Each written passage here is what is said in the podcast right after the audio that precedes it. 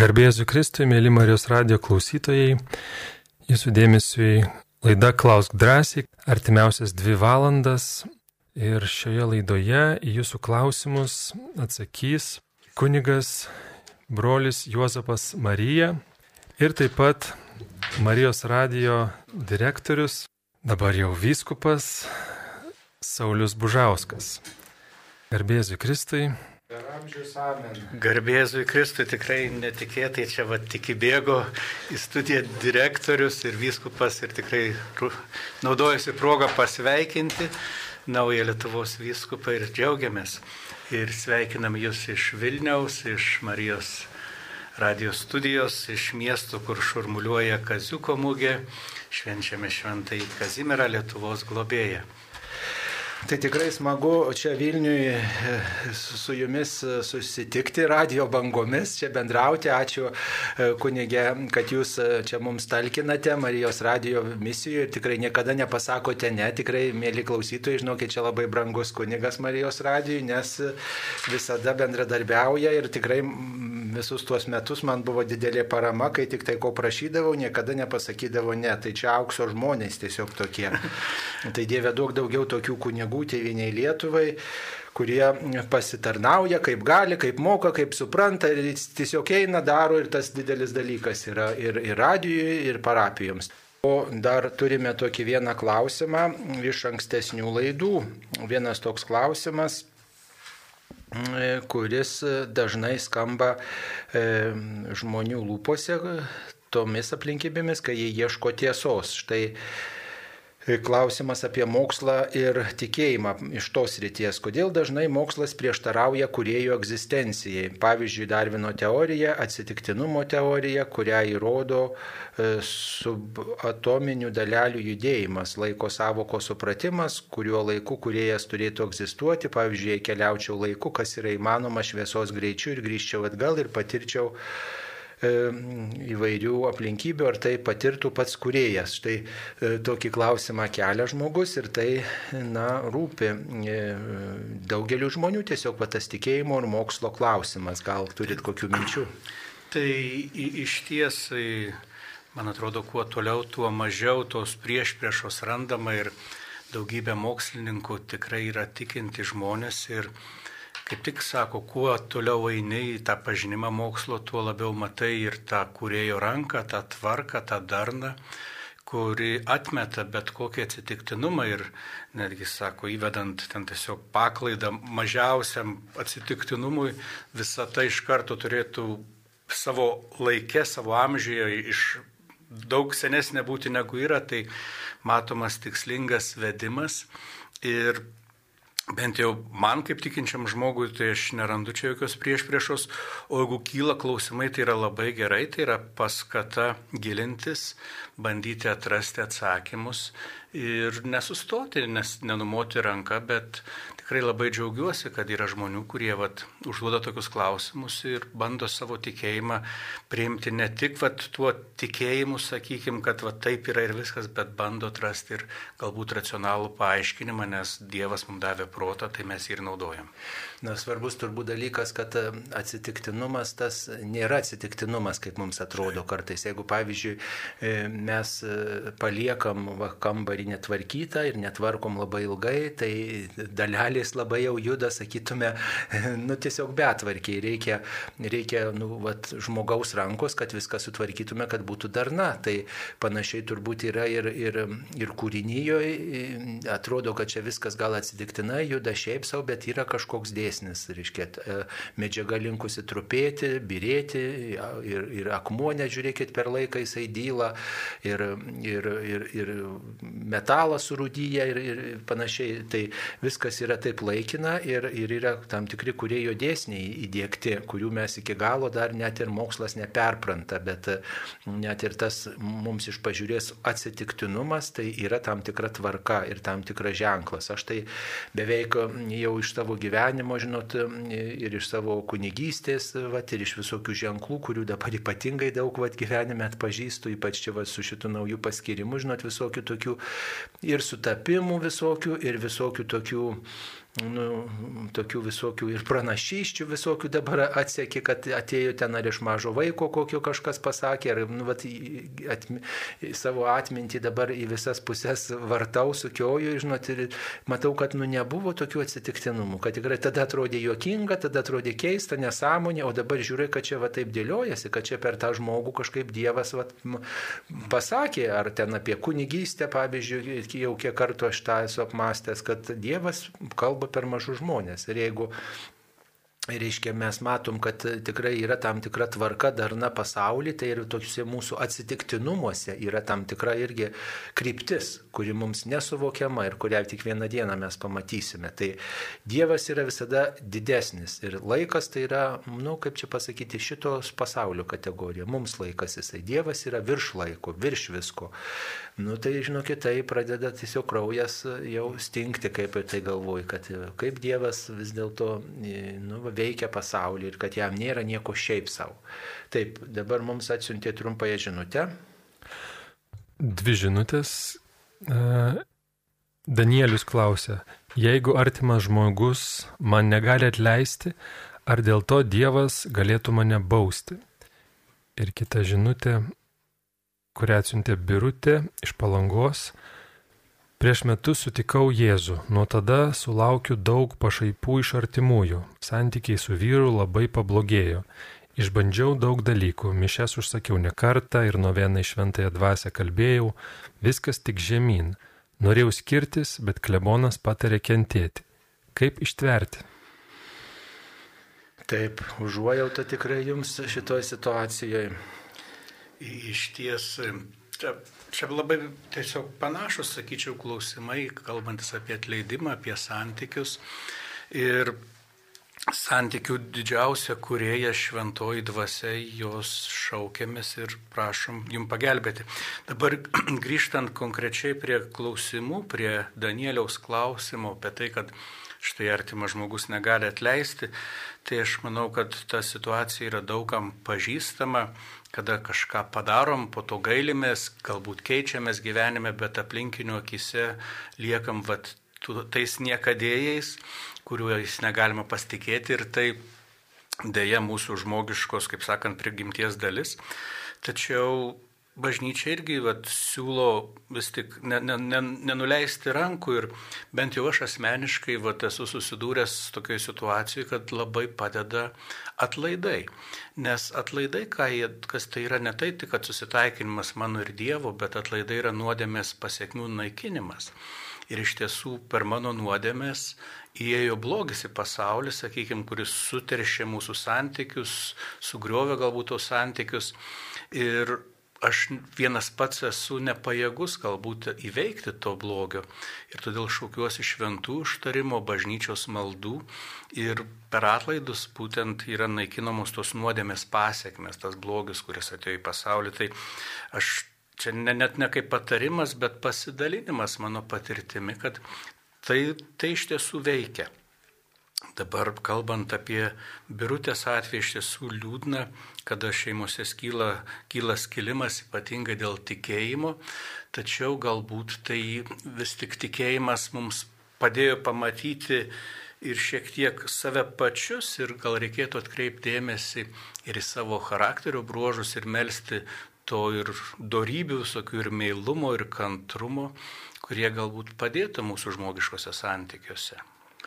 E, tai čia ilgas kelias turbūt gyventi su netikinčiu žmogum, sutarti ir, ir nėra taip labai paprasta, bet čia reikia jūsų kantrybės ir ištikimybės. Nebūtinai pasiseks, bet jūs mylėkite tą žmogų, gerą linkėkite jam, dėmesį parodykit, švelnumą, supratimą, nu, jo kelias truputį kitoks. O čia jiems jų yra išbandymo kelias, mums visiems būtų lengva tikėti, jei aplinkui visi tik tai plotų ir sveikintų.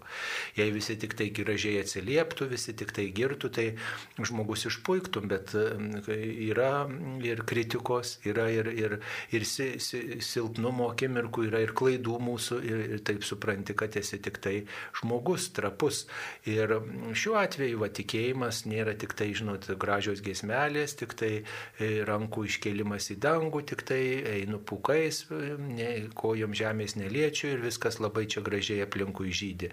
Mm, bet yra ir va ta kryžiaus tikrovė, kad ir Jėzus atmestas, nepriimtas, nemielas buvo, e, savųjų mokinių nesuprastas, reiškia, jį mokiniai nedrįso jo klausti, nesuprato ir patys saviausi, žinai, su kuriais širdį rodė jiems, nesuprato, pasityčiojo iš jo.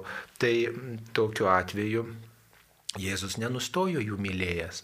Aš jūs draugais vadinu, aš gyvybę už jūs atiduodu ir, ir Jėzų kartais kantrybėje trūkdavo, sako, netikinti giminė, kiek man reikės jūs kesti. Tai, tai žinot, visko ir mums išprūsta ir, ir viską, bet vis tiek matykite tame žmoguje vat, savo bendra keleivis. Va. Ir, ir tos maldų, žinot, ne, ne tiek rūšis svarbi, svarbu tas ta ištikimybė, pasirinkimas ir, ir nuolat melstis už savo vyrą, už jūsų tarpusavio santykius, prašyti kitų žmonių palidėjimo, maldos tai, ir tada tokiu būdu būti kartu. O apie bausmę tai tikrai nereikėtų labai susikoncentruoti, o čia yra proga galbūt irgi išgyventi tokį atgailos aspektėlį, kad, nu va, negali atleisti, nu va, nu, kažką įskaudinau, tai Dieve, nu, tu gali atleisti, tas žmogus negali, bet tu gali atleisti, nu ir padėk vat mūsų santykiams. Gal į Angelą Sargą reikėtų melstis savo ir to žmogaus Angelą Sargą, kad mūdu suvestų į taiką visą tą situaciją. Tai ačiū, dar turime kokių žinučių. Ar nuodėmė nebalsuoti? Girdėjau mintį, kad tai prieš ketvirtą Dievo įsakymą. Tėvus gerbti, tėvynę mylėti, pilietinė pareiga. Tad į, tada į valdžią ateina ne tie. Ką atsakytumėte? Ir... Nu, Taip, kad beveik jau sakyčiau, jau arti to, nes vis tiek, jeigu mes norim būti savo tėvinės kuriejais, savo tėvinės bendradarbiais, tai čia mes turim vienintelę tokią galimybę išstudijuoti viską ir ne, ne kuris gražesnis, simpatiškesnis kandidatas, ne kuris ten kažką davė, ne kuris ten gražiai kalba, bet vat, pasimelsti, žiūrėti, kur yra tos atvertybės to žmogaus gyvenime, ne prieš rinkimus, bet gal ir kituose darbuose, žiūrėti, kokios jo nuostatos yra, kaip jisai tvarkosi, kaip jisai mm, veikia ir tada tai pasirinkti, galų galę pasitarti su kitais žmonėmis, kurie vat, pasirinko ir paklausti, kodėl jie taip daro, su vienais, su kitais, va, taip atsargiai pasitarti ir, ir tada balsu, dalyvauti, supranta, dalyvauti. Čia mes turim vienintelę galimybę kurti savo tėvinės ateitį, rinkimai. Tai čia ir demokratija ir turi tą nuostabią vat, galimybę įtraukti įtraukt žmonės. O paskui, žinai, išrenka ne, ta, ne tie, blogai dirba. Tai kaip tu gali kritikuoti, jeigu tu nedalyvavai rinkimuose? Tai reikėjo dalyvauti. Nu, aišku, gal kartais atrodo, kad blogiausi iš blogiųjų ten surinkti ir nėra už ką, sako. Nu, bet, nu, gal tada, nu, nėra, tai nėra, bet pasirinkti nors tą gal kokį variantą, vis tiek nors kokį gal pasirinkti, nors, nors ką padaryti, nors kaip pasvarstyti. Aš tai taip galvoju. Taip, ir iš ties čia gal reikėtų kalbėti ne tiek apie balsavimą, nebalsavimą, bet apie abejingumo nuodėmę, kada mes tiesiog Arba vilties praradimas irgi yra, ar ne, kad aš jau nebetikiu, kad kažkas pasikeis. Tai vis tiek visą laiką tada melskime už valdžią, kaip rekomenduoja bažnyčia.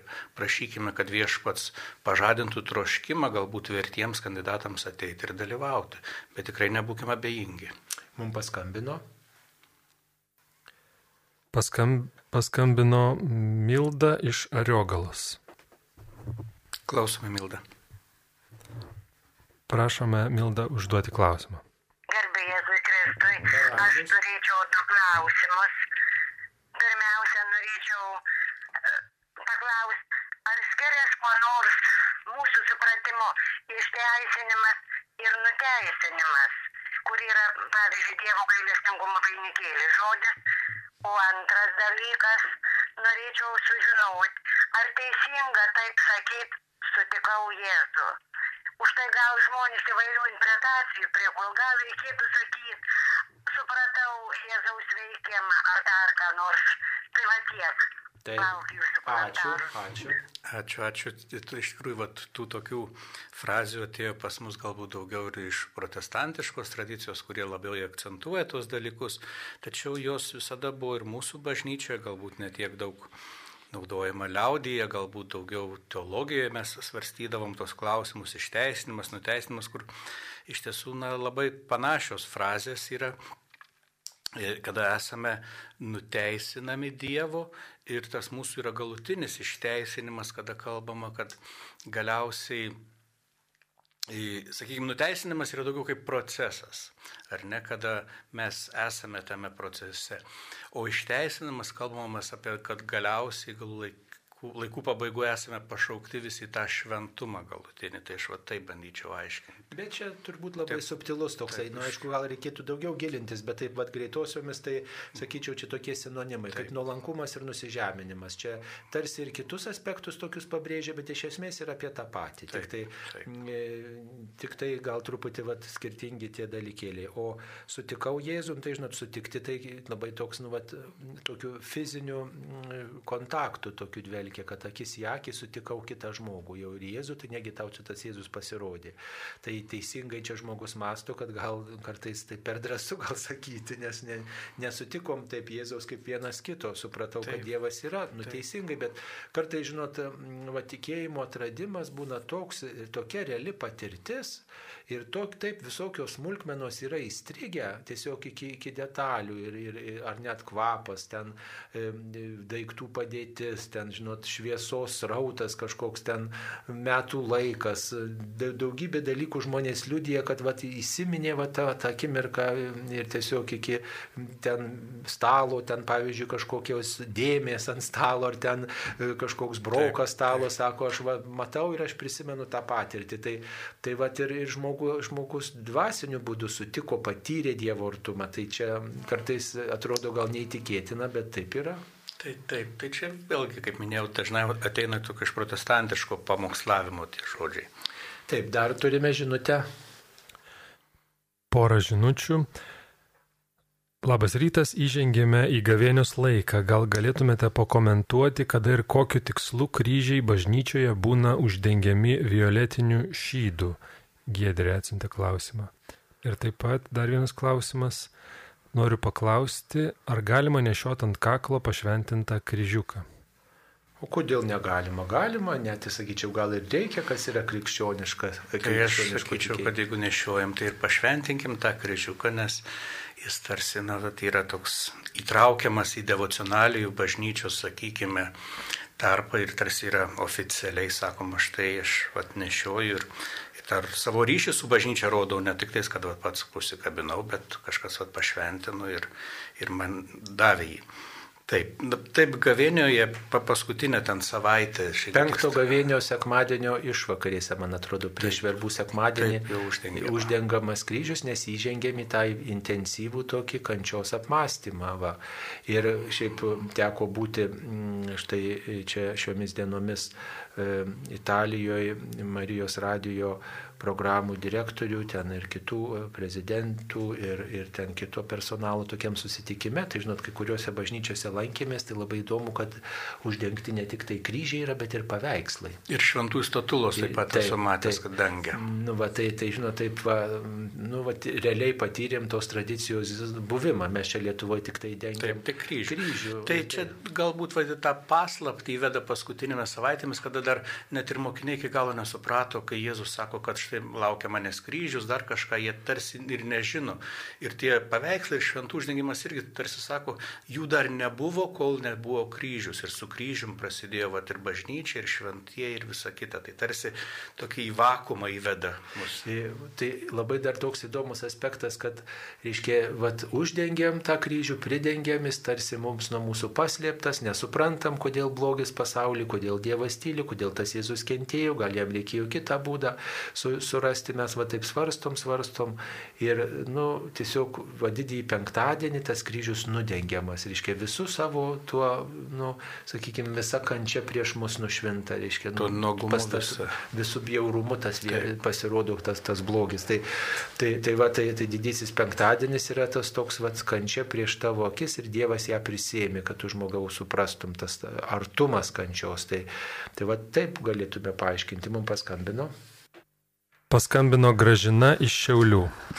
Taip, klauskite, jūs eteryje.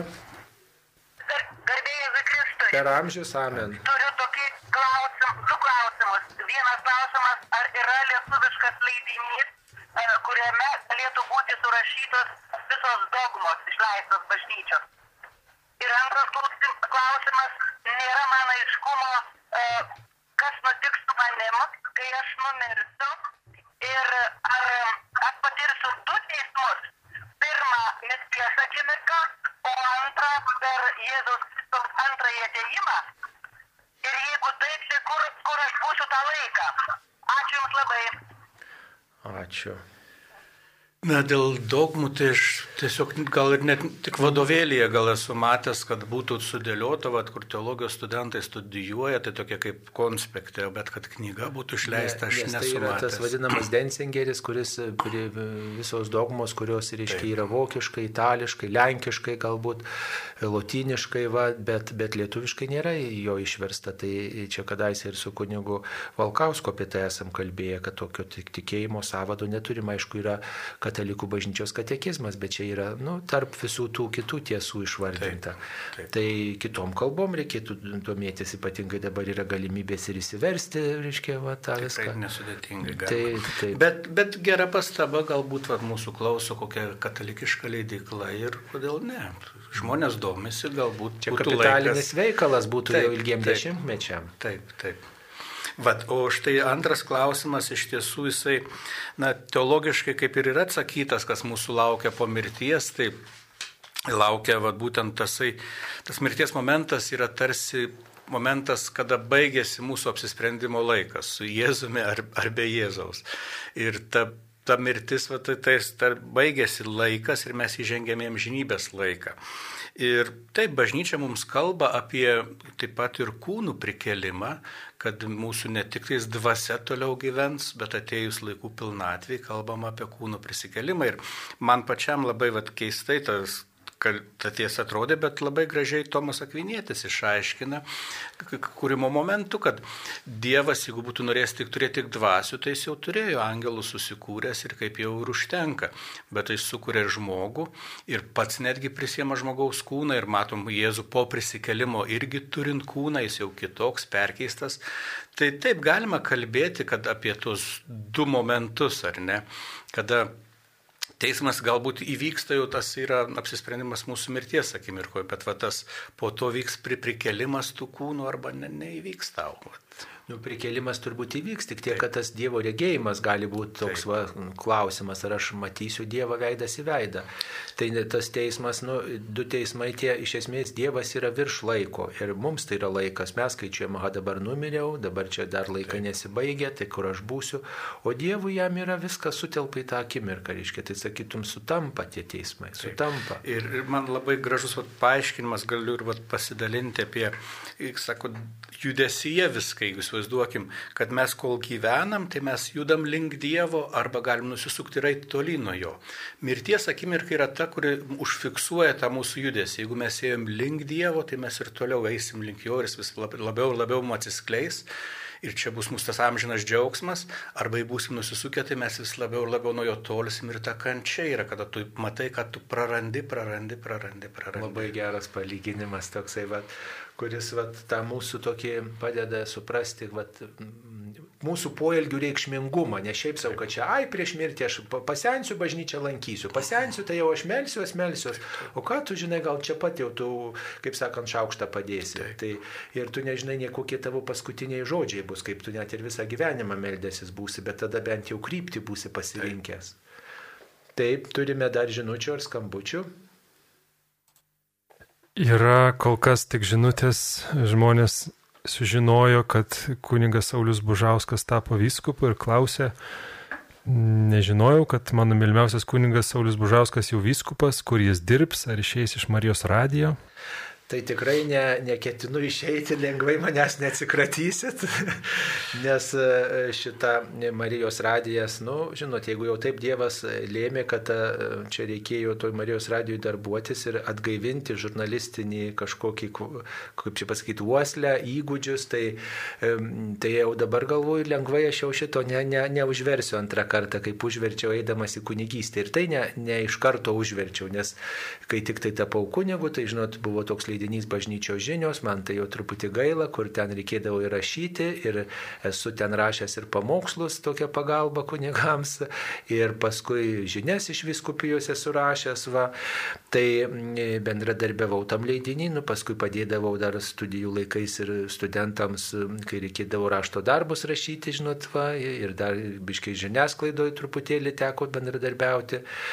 Tai, tai va, ta žurnalistika nebuvo visiškai užversta, va, bet kai čia va teko darbuotis Marijos radijoje, tai tiesiog, nu, tiesiog buvo proga man iš naujo, nu, iš naujo va į tą, kaip sakyti, atsigręžti į tą sritį. Tai matot, vyskupo užduotis yra mokyti mokyti, e, šventinti ir valdyti. Tai val, valdyti čia jau, kaip sakant, vienas dalykas administracinis, pats turbūt neįdomiausias, bet šventinti sakramentus teikti, bet skelbti žodį, nu, tai mokyti žmonės, tai čia yra vat, priemonė. Jo labiau, kad aš Marijos radijui būdamas supratau, kad klausosi ne tik tai vyresni, bet klausosi ir netikinti. Žinot, kaip įdomu, kai tu sužinai, pavyzdžiui, iš vaikų, kad jie žino apie radiją, nes tėvai mašinoje klausosi, o, o jie nelanko bažnyčią bažnyčios, kai, kai sužinai, kad žmonės dirbdami laukuose, traktorių mardami žemę klausosi Marijos radijoje, ten fermose, kur karvės meldžia yra radio taškas, klausosi va, laidų, tai, tai žinot, galvoji, va matai, reiškia, kur žmogų gali radijas pasiekti. Ne tik tai tuo tikinti, bet ir kuris va įsijungia ir jisai va, kartu va, yra toj maldos nuotaikų. Tai, tai žinot, lengvai neatsikratysime šito žmogaus, jo labiau, kad, jo labiau, kad yra tokia rubrika ganytojo žodis. Tai žinot, mano buvo tokia vizija, kad būtinai reikia temti vyskupus prie mikrofono. Vienas dalykas, radijas vyskupą pakalbina, tai kažkaip galva autoritetas radijo, ne, kad ne tik tai kunigas kalba kažkoks, ne tik tai kunigai, bet ir mūsų ganytojai kalba, bet tie žmonės užimti įvairios jiem temos, gal vienam tokia tema aktualesnė, kitam tema reikia, kita reikia nutaikyti pagal žmogų, kad jis tikrai jaustųsi laisvai, nebūtų jam kančia. Tai dabar tarsi reikės daugiau bendradarbiauti su viskupais ir daugiau matyti tų temų, kokios yra, kas, kas įdomu jiems, kas įdomu gali būti žmonėms ir tada bus galimybė va, tą laidą tiesiog va, nu, nepaleisti taip, nes kitam, pavyzdžiui, kunigas kitas ateina, tarsi vėl reikia nu, viską nuo, nuo nulio va, šitoj srityva, o čia jau mano yra nu, truputį va, kažko, kažkokia patirtis ir tada va, toliau va, bendradarbiavimas tęsiasi, tai labai norėčiau, kad, kad vat, būtų panaudota ta, ta, tas toks įdirbis šitoje vietoje. O toliau, tai žinot, nužiūrėsim, kaip melskimės vieni už kitus tiesiog ir žiūrėsim, kaip čia bus. Teko va būti Marijos radijo direktorių ir programų direktorių ir tų prezidentų susirinkime, žinot, tai ten aišku kunigai suvažiavo ir ten pasauliečiai vadovaujantis įvairūs, vyrai ir moteris, o tarp kunigų buvo vienas vyskupas, įsivaizduojat, vyskupas iš Sirijos ir Armenijos. Ir žinot, ir jis yra Marijos radio programų direktorius. Tai man taip, oho, galvoju, matai, ten tų krikščionių nėra taip jau labai daug, nu krikščionių yra, bet katalikų nėra taip labai daug. Tai, tai žinot, tai pabendravome su juo, tai taip įdomu, kad, reiškia, jis va, suspėjo, įsivaizduojate, per dvi šalis kažkaip labai keistai, iš ten daug nesigilinau, nebuvo nei laiko, nei ten ką, bet e, tiesiog per dvi šalis kažkaip paskirtas jisai ir, ir, ir dėstytojas dar seminarijoje, ir dar Marijos radijoje jisai tenai. Tai, tai galvoju, matai, kaip įdomu, reiškia. Tai va, darbštus žmogus. Darbštus žmogus, toks jau pagyvenusio amžiaus, dar vyresnis už mane ir visai neseniai pašventintas vyskupų, reiškia, rugsėjai ir spalį. Tai, tai taip, va, tokia, aš taip nustebau, gal matai, kaip čia būna. Nu, tai žiūrėsim, kaip čia, žinot, konsultuotis reikia, tartis, dabar, žinot, tas sinodiškumas tiesiog tiesiog į mane labai čia įsuko, kad aš dabar negaliu jau dabar pats vienas daug ką daryti. Reikia kalbėtis, tartis, konsultuotis, va, žinai, nu, su daugybė žmonių. Tai čia gal ir, ir gera pusė ta, kad reikia ne vienam galvoti kad tu gali ieškoti vat, pagalbos, kitų prašyti. Vat, tai Tai tikrai dar bent iki išventinimo tos iškilmės, iki balandžio, balandžio 22 dieną, 12 val.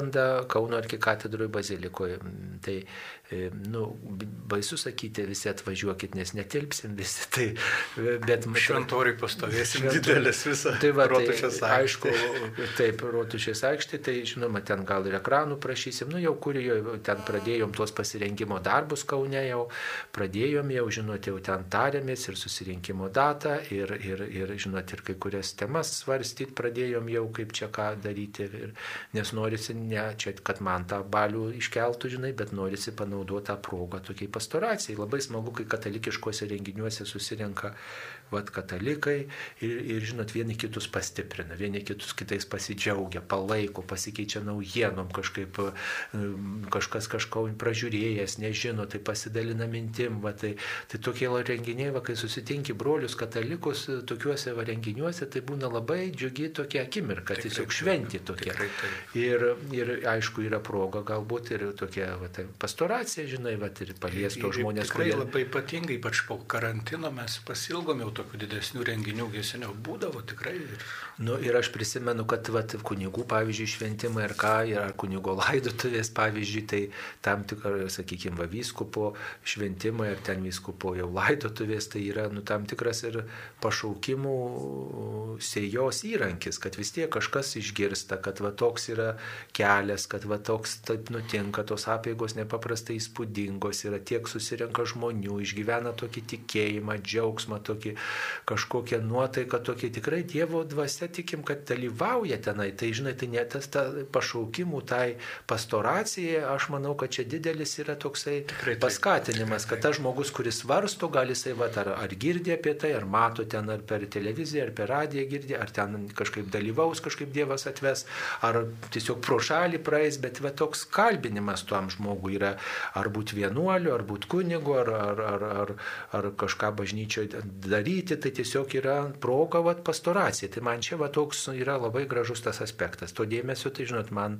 kaip čia pasakyti, užtenka. Aš ne, ne, ne, nesu čia tas toks žmogus, kuriam to dėmesio labai trūktų. Nu, užtenka tiek. Bet tas liūdimas tikrai svarbus, aš ir pagal save galiu paliudyti. Kai išgirdau, kad draugas eina į seminariją, iš karto kėliau klausimą, ką aš. Va, o ką man, aš? prašau. O kai jeigu draugas pakvies į šventimus, vėl, Taip. vėl ta, visa ta liturgija, visa Taip. tas susirinkimas kalbina, visas tas žmonių tos akis, tas žvilgsnis va, to draugo, reiškia, tai kalbina tave tiesiog beldžias prie tavo širdies, klausyk. Taip. Ir tiesiog norisi, o vakarai sako, to ką Taip. aš, o kaip aš atsiprašau, kaip čia, man, o ką apie mane tai sako. Tai, tai tikrai, nu, kviečiam, žinot, e, sekti sekti, žiūrėti, stebėti ir dalyvauti kažkokiu būdu, kokiu jums bus priimtina. Ir pavyzdžiui, aš tai vis galvoju, aiškiai, kaip sakramentai bažnyčioje švenčiami. Mes, mums įprasta kviesti mišes dalyvaukit. Nu gerai, mišios, čia priimam komuniją, čia pamokslas, čia už kažką tos mišios užsakyta, mes taip jau apsipratę, nu, tai čia ne mūsų mišios gal, bet vis tiek mišios dalyvaujam. Bet pavyzdžiui, kiti sakramentai, tai kartais galvoju taip, kad reiškia taip ir kiti sakramentai turi tokį, žinai, bendruomeninį tokį aspektą, kad jeigu, pavyzdžiui, kad ir ne mano šeimos narių krikštas, bet vis tiek dvasia išliejama, Kaip pavyzdžiui, kunigas, žiūrėkit, teikia, va kunigė, pa, pa, pastebėkit, kad pavyzdžiui, jeigu net išrišimą žmogui duodi, klausai iš pažinties, į ten pamokai, ten viską, ten pasako, ten gal skaudus dalykai, purvini, nu ir į širdies pamokai. Nu ir ką, suteikia atleidimą, prašai tavo, nu taip kaip bažnyčios nustatyta, atgailą duodi, bet taip toks jausmas, kad ir tave ta Dievo dvasia palėti, tarsi tikrai, būtum pats prieėjęs iš pažinties. Tikrai taip, ir, ir yra nekarta buvo, kad užduodi atgailą ir pats dar ją atkalbė. Taip, už tą žmogų, kad, reiškia, pa, pa, tai įsivaizduojat, kaip yra nuostabu, reiškia, saktų sakramentų toks bendruomeniškumas yra, reiškia, a, tiesiog apsitaškai tą Dievo dvasę, kurią tam žmogui duodi, bet pats išpraustas lieki. Nu, išpažintis čia toks konfidencialus dalykas, bet pavyzdžiui, sakykime, kiti sakramentai, krikštas, santoka, žinai, taigi melskis už tuos žmonės, kurie ten dalyvauja. Svarbu, kad tu jų nepažįsti, bet yra gražu, va, tas himnas šventai dvasiai yra tas, nu, va, ir, ir suprantat, ir tada atnaujini savo šeimos, o kaip mano šeimoje visko yra ir tada reikia tvirtumo laikytis. Tai, tai reiškia, kad ir ne, neliečia manęs asmeniškai arba nepažįstų tų žmonių, kurie švenčia sakramentus, bet yra proga man irgi truputį tos dvasios paragauti. Čia yra didelis dalykas, kurį mes esam pamiršę. Mums skambina. Paskambino Vitalija iš Vilnius. Taip, Vitalija, klauskite, jūs eteryje. Vitalija, prašom užduoti klausimą. Per amžius. Taip, jūs girdi, taip. Reiškia, aš turiu draugą, kurio, su kuriuo metus laiko draugauju. Gimimo dienos proga draugas man padovanojo 13 nuostabių baltų rožių. Ir kada aš paguglinau, suieškojau tokią, ką reiškia ta 13 spėčius. Taip, vienur yra parašyta mano slapta draugė, o kitame įraše yra parašyta nieko bendro, nenori turėti su savimi. Tai va, aš norėčiau Paulius Božausko, kaip nuostabaus vyskopo, kaip kuniga pirmiausia, kaip e, Marijos radijo direktorius, e, kad jūs man atsakytumėte, va, ką tai reiškia ta 13. Taip, tai 13, matot, labai daug prasmių turi, bet mums katalikams tai 13 asocijuojasi su švenčiausiaja mergelė Marija, nes jinai pasirodė Fatimoje 13 dieną. Kiekvieno mėnesio 13 dieną pasirodė ir, ir Šiluvoje dar yra ta tradicija 13 dieną susitikti į mažosius atlaidus ir mes ten visi važiuojam ir melžiamės į mergelę Mariją, jos globos, prašom, tai, tai va, tai toks va krikščioniškas požiūris. O yra, žinot, visokių tų interpretacijų tų 13 skaičiaus. Nu, rožės yra rožės, gėlės yra labai gražu. Nu ir pasimerkit, pažiūrėjot, nu yra galbūt proga pasikalbėti atvirai su tuo Iš žmogumi. tikrųjų, aš irgi sakyčiau, ponia Vitalija, Taip. paklauskite, jeigu jums atrodo, kad kažką reiškia, sakykite, tai ką tas reiškia. Tada Taip. jis ir atsako. Taip, pats. jis atsako, ačiū už gėlės, gėlės labai gražios, graži mūsų draugystė ir, ir viską, o kaip čia mes toliau būsim, vat, nu, ir, ir, ir tiesiog kalbėkitės, nes, žinot, myslėmis labai sudėtinga įsiaiškinti, va, simbolių kalba ta labai sudėtinga tokia, o jūs pasimelskit, kadangi tikinti žmogus esate ir pasikalbėkite atvirai, tiesiog sakykit, va, čia galbūt, va, kai, ką tu galvoji, ačiū už sveikinimą, kaip čia toliau draugausim, kaip čia toliau viskas bus, ką tu. Tiesiog tas atvirumas jis labai reikalingas, toks su pagarba, su meilė, nu, jeigu žmogus nenori nieko bendro turėti, aš abejočiau, jau gėlės teiktų, gal pasakytų kaip kitaip. Taip, mums žinutė atsiusta. Šventos Velykos Jėzaus prisikėlimo šventė, bet Velykos jau buvo Jėzui gyvam esant. Ką tada minėjo? O, koks geras Labai klausimas. geras klausimas. Iš tiesų, tuo metu ją vadino truputį kitaip, vadino Pascha. Ir tai buvo švenčiamas žydų išėjimas iš Egipto vergovės. Ir, ir lydėjo, aišku, tas išėjimas ir ėjimas per dykumą, ir, ir ta Dievo patirtis, ir, pas, ir, paskui, ir vakarienė galų gale tas avinėlis aukojamas, ir kraujų tepamos taktos. Ir paskui vėliau va, visuose tuose ženkluose mes atpažįstame ir tą mūsų kaip Dievo tautos vedimą, ir tą Dievo vinėlį tikrai, kai ar neiškeliam, sakom, štai Dievo vinėlis. Tai čia va, būtent iš tos paschos patirties, kurio krauju buvo apsaugoti nuo mirties angelo, nuo sunaikinimo žmonės. Tai taip, Jėzus kaip ir tikintis izraelitas, jisai šventė kiekvienais metais paschą ir paskutinė vakarienė buvo taip pat paschos vakarienė ir mums krikščionims vėliau tai įgauna naują prasme. Mes jame atpa, Jėzuje atpažįstame tą paschos savinėlį ir, ir tas prisikelimo liudimas yra mums irgi išeimas iš nuodėmės vergijos į naują gyvenimą. Taip, va čia tas aspektas turbūt ir yra labai svarbus, kad e, Velykos iki Jėzaus buvo prisiminimas, kaip iš Egipto vergovės ištrūko į, išver- į pažadėtą žemę, o va po Jėzaus tai truputį tai gauna kitą, mes vergovę suprantam kaip nuodėmę, vergovę suprantam kaip mirtį ir Jėzus prisikeldamas mus išveda iš tos nuodėmės vergovės, iš mirties vergovės į gyvenimą be pabaigos. Mums paskambino.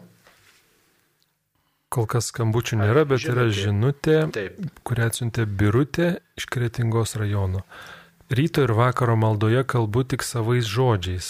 Ar mano malda gera? Na, kiekviena malda yra gera ir kartais iš tiesų tais į savo žodžius įdedam ir daugiau širdies, galbūt ir jausmo.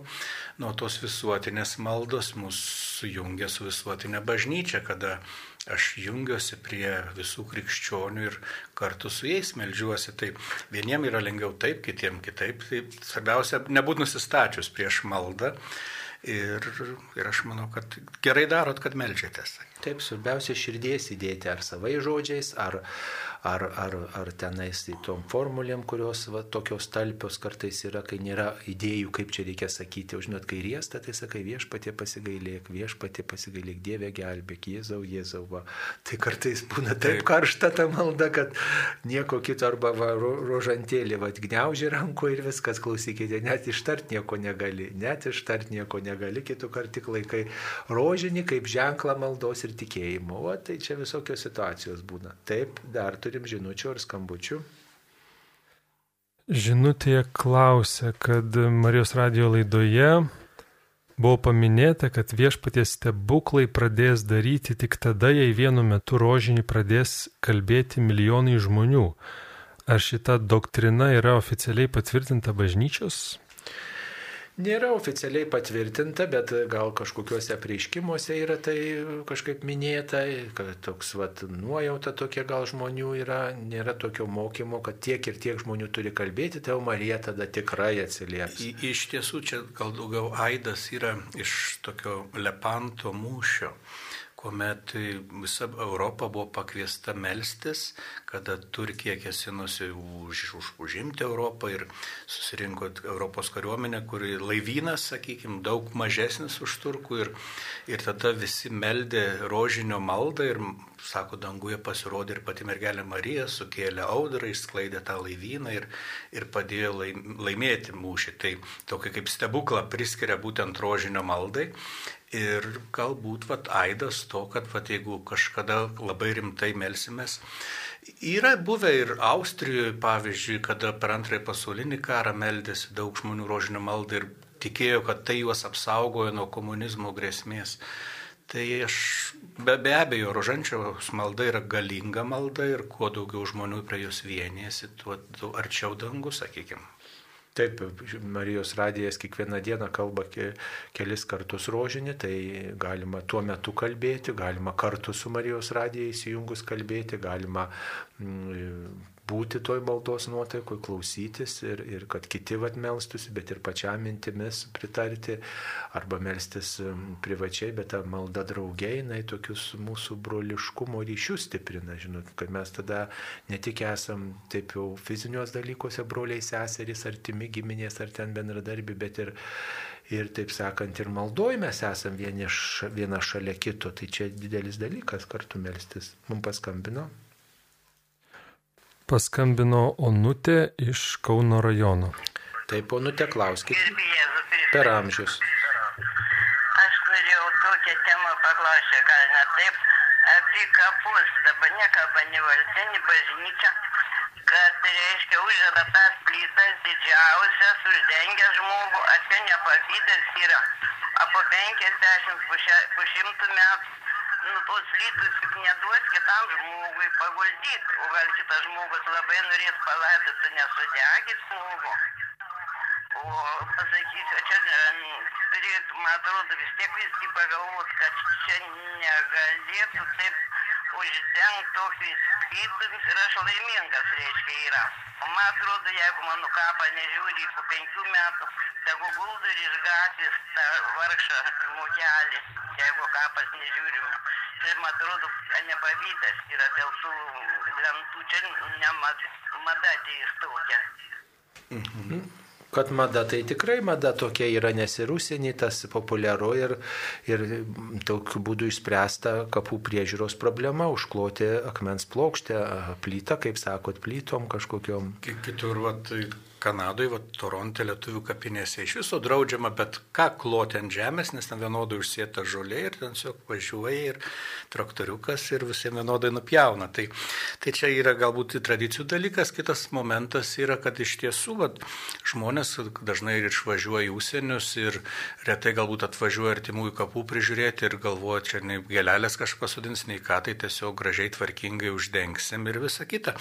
Bet dėl to pavydo tai aš nemanau, nes nu šiais laikais laikais yra tos technikos ir esu ir nekartą matęs, kad ir tas pačias plytas pakelia ir vėl kažką palaido ir vėl gražiai užkloja, tai čia viskas yra išsprendžiama. Nu, matot, karstas, medinis karstas, jisai per laiką su, su, sudyla, žmogus į dulkės pavirsta ir toje vietoje pagal net ir civilinius įstatymus, neprisimenu, po 20, 25 metai. Tai po 25 metų ar ir daugiau, tuo labiau galima laidoti kitą žmogų, ten rastus kaulėlius giliau truputį pa, pa, užkasavą, o, o, o šitą toje vietoje kitą žmogų giminė. Pavyzdžiui, kiek yra tokių kapų, kur maži teritorija, o ten kelios kartus palaidotos. Tai mano, va, irgi giminių yra taip nedidelis plotelis, o ten prilaidota, nes miršta ten kas 30, kas 50 metų, tai, tai ten jau ir laidoja visa giminė ir kaip gražu, kad, reiškia, pasilaidoji prie savų. O ne, ne nauja kapavietė, bet prie savų pasilaidojo, prie savo prosenelių, senelių ten ir panašiai.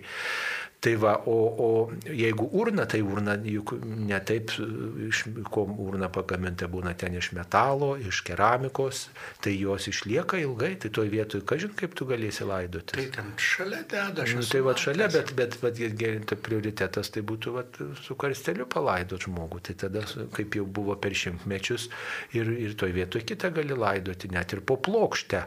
Plokštę atkelia palaidoja žmogų, ten po kiek laiko tą kapavietę sutvarko, tą plokštę vėl užkloja ir viskas. Na, nu, aišku, po kiek metų gali ir pasikeisti tos tradicijos, bet vis tiek mirti reikės mums. Tai tas taip, klausimas taip. lieka, bet mums svarbu pagarbiai elgti su to mirusio žmogaus kūnu ir prisiminti mirusius maldoj, svarbiausiai maldoj prisiminti tuos iškeliavusius, o galiausiai kokiu ten būdu bus palaidotas, kaip ir ten kaip tas kapas bus tvarkomas, tai jau yra, nu, tik tai gyvųjų labiau reikalas, o mirusių mirusiam svarbiausiai malda jį palydėti viešpaties glėbi. Taip, turime žinučių ar, ar, ar skambučių. Tarp gausybės žinučių su sveikinimais ir linkėjimais naujajam vyskupui Sauliui ateina ir vienas kitas klausimas. Tai ačiū Sunku. už linkėjimus. Taip, e, vienas klausimas toks. Sunku bus turtuoliams patekti į dangaus karalystę. Kas yra turtuolis šiais laikais? Turi būtą santaupų uždarbi daugiau nei minimumą, ar jau turtuolis? Tai čia, žinoma, labai toks gali ir nusifilosofuoti iki begalybės, ar ne, kur čia tas turtas jau riba. Iš tiesų, tai bažnyčia moko, kad esame atsakingi vieni už kitus.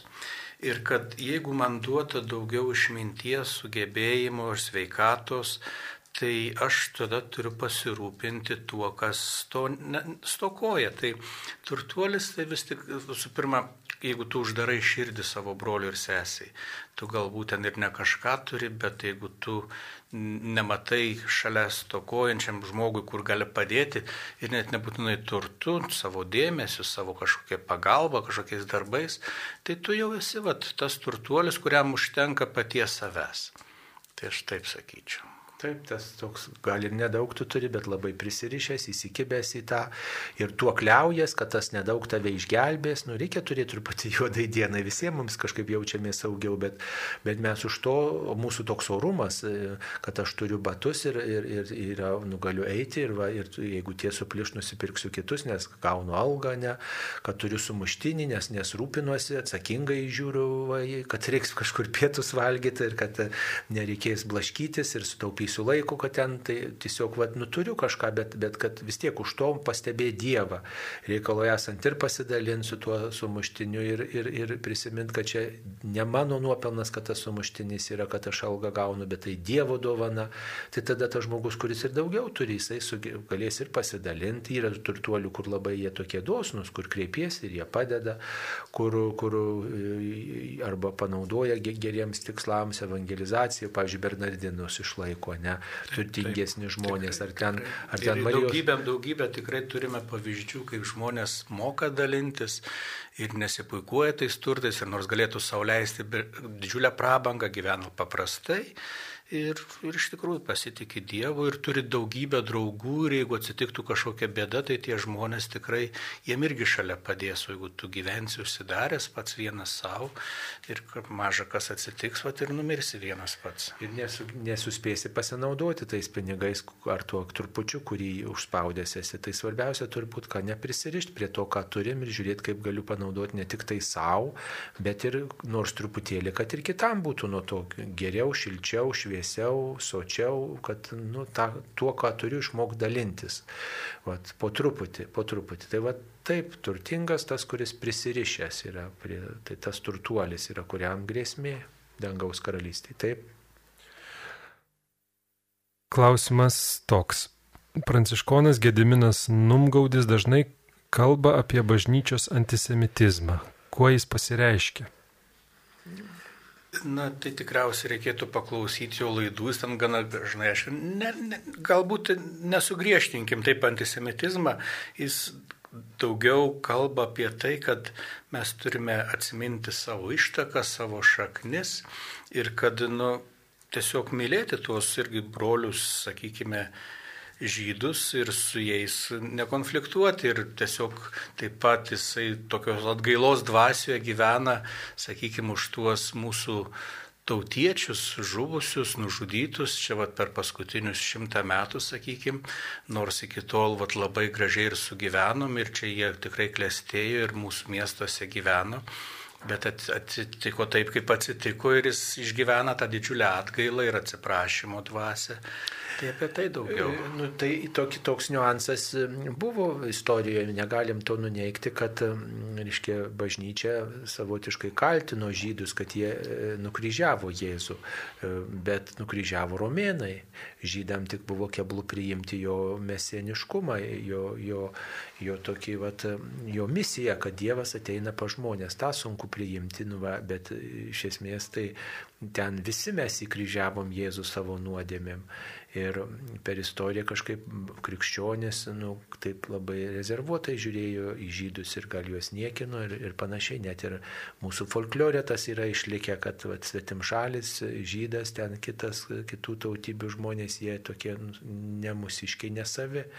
Na tai tie žmonės, žinot, tie žydai paskiau ir telkėsi į bendruomenės, kad išliktų, kad jų visiškai nesuniekintų. Bet jie... štai iš Vilniaus kalbam ar ne, tai net ir vat, Vilniaus teigimas, ar net Gedimino laiškai kvietė tuos žydus ir kūrėsi jie čia ir turėjo savo sinagogas ir tikrai puikiai gyveno ir, ne, ir Vilnių vadino Šiaurės Jeruzalė ne dėl to, kad jų čia daug, bet dėl to, kad tikrai gerai jautėsi jie čia.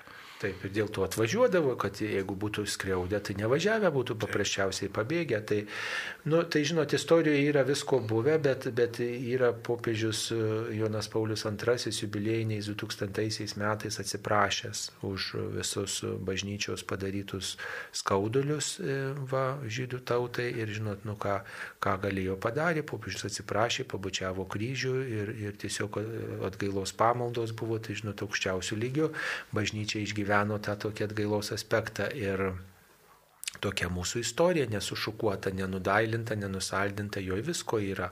Bet e, yra juk ir dialogas su žydais, tarp religinis dialogas vystomas ir, ir tam tikras tiesiog irgi aukščiausių lygių vyksta ir susitikimai, ir bendravimas tarp katalikų bažnyčios ir žydų, ir popiežiai lankosi ir, ir, ir sinagogose, ir su tais vyriausiais rabinais susitinka, ir kalbasi, ir meldžiasi draugė. Tai, Tai, tai yra ir tas susitaikymo aspektas, o žinot, tas atleidimas, susitaikymas nėra toks vienkartinis aktas, kad atpjauk duonos maždaug, atpjovė ir viskas. Ir tas pripažinimas, kad nu, taip yra dar tos to nusistatymo tokio, vat, kaip ir sakot, kartais vaikiško pasišaipimo, Bet, nu, vat, turim tą pripažinti. Nu, svarbu pakelti virš to, kad yra, yra buvę visko, yra ir dabar visko, bet nu, žiūrėti, kad tai ieškoti, kas mus vienyje, yra skirtingumų, bet žiūrėti, kas vienyje ir neužaštrinto, kas, kas yra skaudaus istorijoje. Ir dabar gal matot, kas yra skaudaus, neužaštrinti va, ir, ir tiesiog žiūrėti, kad mes nu, vis tiek tas pasaulis didelis vietos visiems užteks. Svarbu, kad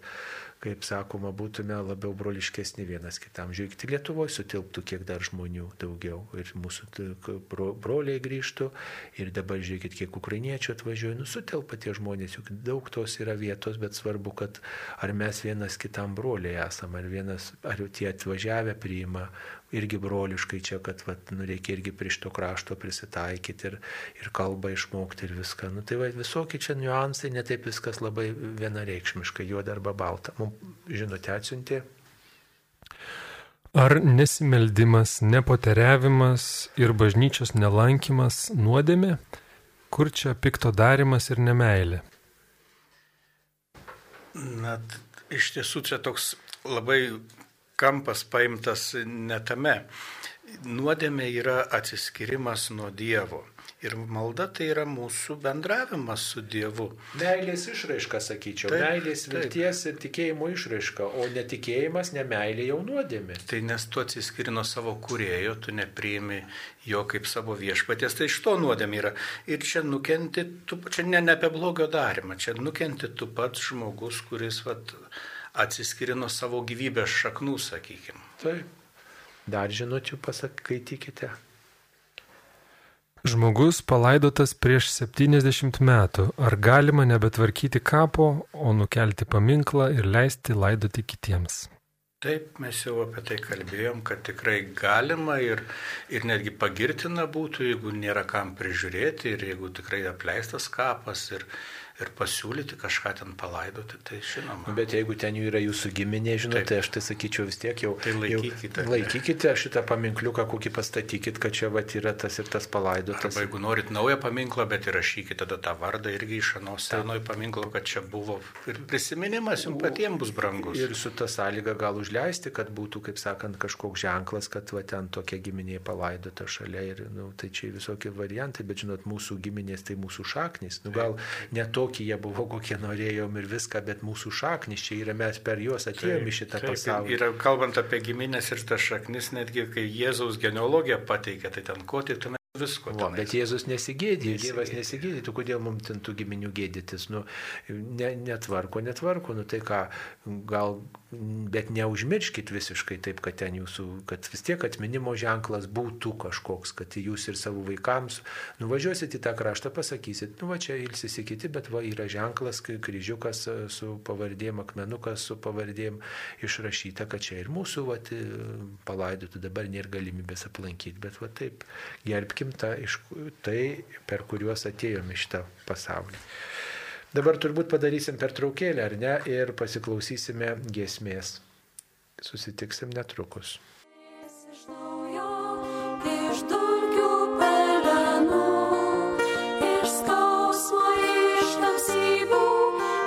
love.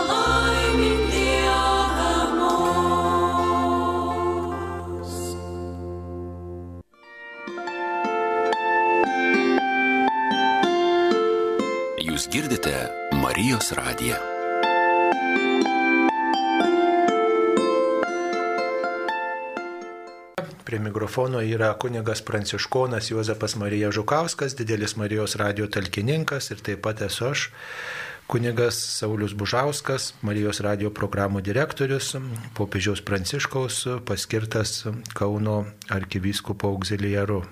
Jau turime žinučių, tai paskaitykite. Kasdieną kalbame Tėvę mūsų ir Dievą prašome nuodėmio atleidimo. Kam per šventą išpažinti vėl prašyti nuodėmio atleidimo? Ar aukščiausiojo atleidimas nieko nereiškia? O tai Dievo atleidimas visada yra reiškia, bet išpažintis yra didžiulė Dievo dovana mums. Mes žmonės ir iki Kristaus muždavosi į krūtinę ir šaukėsi Dievo ir atleisk ir dovanok, bet matė, kad, nu, nu taip, Dievas kažkaip veikia tą malonę, kada jo šaukiesi, bet išpažintis tai yra ypatinga Dievo dovana mums, katalikų bažnyčiai, kad išgirsti tą tikrą Dievo pažado išsipildymą, kad per kunigo žodžius tau duodamas išrišimas ir išgirsi eik ramybėje tavo nuodėmės atleistos. Tai yra ne tik tai prašymas Dievo, kad jis atleistų, bet kartu ir priminimas mums, kad tik Dievas gali atleisti, kartu ir žinia mums tokia nuolat besibeldžianti į mūsų širdis, ta tėvė mūsų maldoj, pavyzdžiui, tas prašymas, kad tik Dievas yra gailestingumo šaltinis. Mums paskambino. Paskambino Vitalija iš Kauno. Taip, klauskite Vitalija, jūs eterija. Prašom Vitalija klausti. Per amžius. Per amžius. Norėjau jūsų paklausti, ar Marija turi galę pasigailėti nusidėjėlių? Nusidėjėlių pasigailėti turi galę tik Dievas, bet e, šventieji tai tie talkininkai, kurie mus palydi prie Dievo, kurie padeda tą galę priimti, parodo, kaip jie ją priėmė ir kartu nugloboja mus tame atleidimo prašymo, atleidimo išgyvenimo keli. Ir, ir Dievas yra tik tai tas vienas, kuris nuodėmės naikina. Tikrai taip ir iš tiesų, vat, tarp visų šventųjų Marija galbūt išskiriama tuo, kad Jėzus ant kryžiaus mirdamas ją paliko net kaip ir visų mūsų motina ir ji kaip motina. Irgi mes tikime, kaip kiekviena motina meldžiasi už savo vaikus, taip ir ji meldžiasi, kad ir mes būtume geri ir klusnus Dievo vaikai. Tai iš tikrųjų tai yra jų užtarimas, jų maldos, bet atleidimas ateina iš Dievo. Taip, dar žinučių turime. Žinučių daugiau neturime kol kas, laukiame jūsų žinučių naujų. Tikrai šiandien, mėly Marijos radio klausytojai, yra Švento Kazimiero iškilmė. Šventasis Kazimieras yra Lietuvos globėjas ir lietuvių jaunimo globėjas ir miręs 1484 metais ir jo relikvijos saugomos Vilniaus arkikatedroje Švento Kazimiero koplyčioje labai gražiame sarkofage ir ten tiesiog dailininko yra taip toks lipdinys už to sarkofago, toks labai nuostabus. Marija džiaugiasi tarp angelų kartu su kūdikėliu Jėzu ir taip norima pasakyti, kad štai dangus džiaugiasi, kad yra dar vienas šventasis. Nes Marija ypatingai buvo artima šventajam Kazimierui, tai tikrai šiandien 12 val. 30 min. bus aukojamos šventos mišios Vilniaus arkikatedroje. Tikrai džiaugiuosi, kad galėsiu ir pats dalyvauti tuose mišiuose visai greta Švento Kazimiero relikvijų ir tikrai pasimelsiu ir už jūs, mėly klausytojai, už mūsų tėvinę Lietuvą, kad tikėjimas būtų stipresnis vat, ir, ir skaistumą mums pavyktų visiems išsaugoti tokią pagarbą.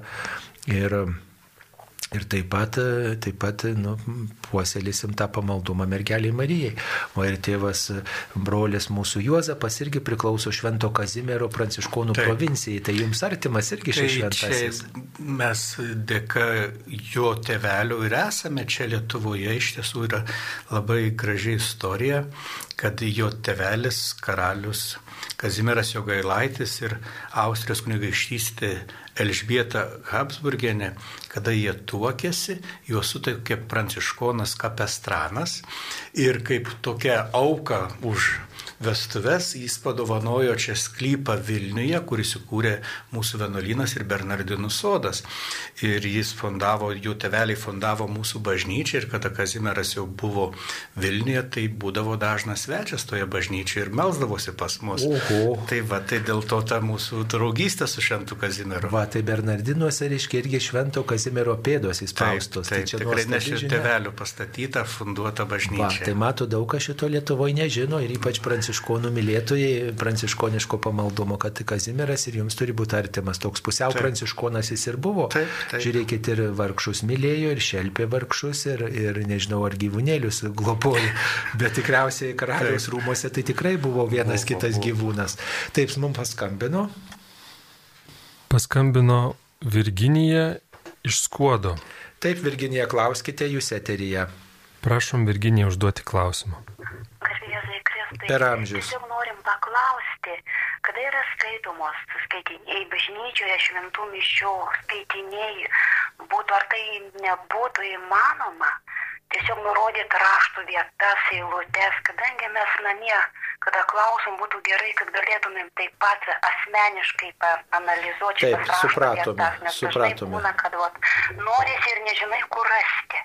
Tai tam yra liturgijoje katalikų bažnyčioje tas nėra numatyta ir tikrai to turbūt artimiausių metų tai ne, nebus, bet labai dabar yra geros priemonės, yra kalendorėliai leidžiami.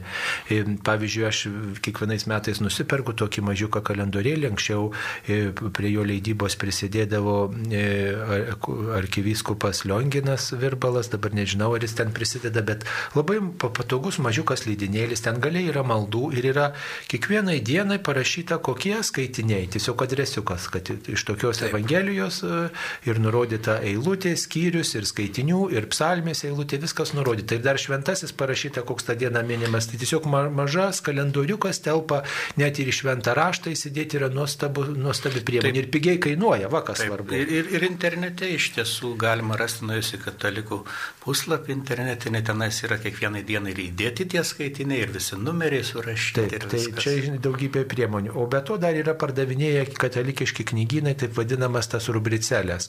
Ypač jie, tai, tai kunigai naudojasi, aukodami šventasias mišes, koks šventasis, iš kur skaitiniai, kokia liturginė spalva. Tai pavyzdžiui, galima ir tokią nusipirkti knygelę. Bet to yra žodis tarp mūsų, toks leidinys prenumeruojamas ir ten irgi taip pat yra ir mąstymas, bet yra nurodyta, kokie tos dienos skaitiniai yra. Tiesiog skaičiukai parašyti. Tai va, jums visos priemonės yra. O mišiuose tai tikrai nėra numatyta to Taip, skelbti. yra tiesiog pasakoma, iš kurios knygos, o Taip. ten eilučių tai ne. Eilučių ne, bet žinot, žmogus sunku surasti, tai geriausia turėti priemonės tokias padedančias. Žinutė atėjo. Irena klausia, kodėl nuodėmės šventai dvasiai nėra atleidžiamos ir kuo nuodėmė šventai dvasiai skiriasi nuo kitų nuodėmių? Nu tai e, sukilimas prieš tikėjimo darybę, matai, jau širdies užvėrimas ir tada kaip Dievas tave prakalbins, jeigu tu sukyli prieš pačią tikėjimo idėją, reiškia prieš pačią maldos nuotaiką, nu, užkerti tą kelią, vat, pikdžodžiauji, bet priimkite tai daugiau, galbūt aš taip sakyčiau, kaip perspėjimą tokį pedagoginį tokį aspektą čia išvelkite. Ne tai, kad galvokite, kur aš čia nusidedu šventai dvasiai. Jeigu tu žmogau esi tikintis, jeigu tu net gailos, jeigu tu atgailauji, jeigu tu meldies, jeigu tu ieškai būdo, kaip čia mm, ugdyti tikėjimą, tai tikrai šventai dvasiai nenusidėsi. Jau reikia labai jau norėt, kad nusidėtum šventai dvasiai ir vargu ar tas bus įmanoma. Čia daugiau perspėjimas, kad neužkietink žmogaus širdies. Čia teisingai, va, čia daugiau toksai galbūt tikėjimo, netgi išsižadėjimas, nes tas per šventąją dvasę mes bendraujame, mes melžiamės, turim tą viltį ir pasitikėjimą Dievu. Ir jeigu tu prarandi pasitikėjimą ir tikėjimą Dievu, tai tiesiog užveri savo širdį jam ir, ir tada nu, dinksta tas ryšys tada. Taip, dar žinučių turime. Ar nuodėmė neikti pas psichiatrą tikėjimą Dievu, kad neužanspauduotų kaip psichinį sutrikimą? Tikėjimo Dievu nereikia nei neikti, nei teikti. Reikia tiesiog, jeigu tikiu, tai mel- meldžiuosi, stengiuosi gyventi kaip Dievas moko, o, o psichiatras paklausė, jūs pasakysite taip, tikiu ir toliau nenagrinėkite to klausimo. Iš tiesų, aš tikrai jūs turėčiau padrasinti, kad nu, nežinau, kur tokį psichiatrą radot, kuris užskaitytų kaip sutrikimą. Atvirkščiai dabartiniai psichiatrijos vadovėliai sako, kad reikia išnaudoti visus resursus, kurie gali padėti žmogui ir tikėjimas yra vienas iš tų labai stiprių resursų, kur gali žmogus atsiremti ir būti sustiprintas. Tai Tai tiesiog aš net nematau, kodėl nu, reiktų neįti. Kiek teko bendrauti su va, tokiais pažįstamais bičiuliais, psichiatrais ir, ir kalbėtis, tai žinot, kalbėtis, tai žinot, tokia va mintis nuskambėjo ne, ne iš vieno tų specialistų, kad sako tikėjimas, bet kokia prasme ir plačiaja prasme yra visada gydantis veiksnys. Kai žmogus turi vilties, žmogus kabinasi ir tada jau ten tai, tolesnis geras į ką kabinasi. Tikrai išnaudos tai, o ne prieš jūs nukreips. Taip. Mums paskambino. Taip klauskite, jūs eterį esate ir galite užduoti klausimą. Danielius iš Vilnius. Prašom. Labą dieną, sveiki, klauskite. E, norėčiau Sauliaus Bužausko paprašyti, e, kad už mane, e, Danielių ir mano mamą Mariną sukalbėtumėt trumpą maldelę, kad mes galėtume susitaikyti. Taipogi, kad mane išleistų iš psichiatrinės ligoninės Ir e, norėčiau paklausti dar, e, kaip aš galėčiau labiau tikėti Dievu. Taip, Danieliau, jums stiprybės, veikatos tikrai, e, bet kokią kainą nesistengkite e, pabėgti, verštis iš tų, iš tų įstaigų. Tikrai, kaip galėtumėte tikėti, nu, tiesiog trumpa malda, žinot, reikalinga trumpa, bet tokia nuoširdė, atkakli savai žodžiais, viešpatie, aš myliu tave, aš noriu gerą, padėk man gyti, padėk man sveikti, padėk man e, eiti tokiu teisingu keliu ir tikrai neskubėkite, taip sakant, psichiatrų pagalbos e, vengti. Kartais, žinot, žmonės, nežinau aš tos situacijos visos, čia, žinot, ne radio gal eterių, čia tokiam asmeniniam pokalbiui svarbus dalykas. Tikrai turėtumėt pasitarti ir savo situaciją papasakoti kunigui akis į akį, veidas į veidą, kunigui papasakot, kuris turėtų galimybę labiau įsigilinti.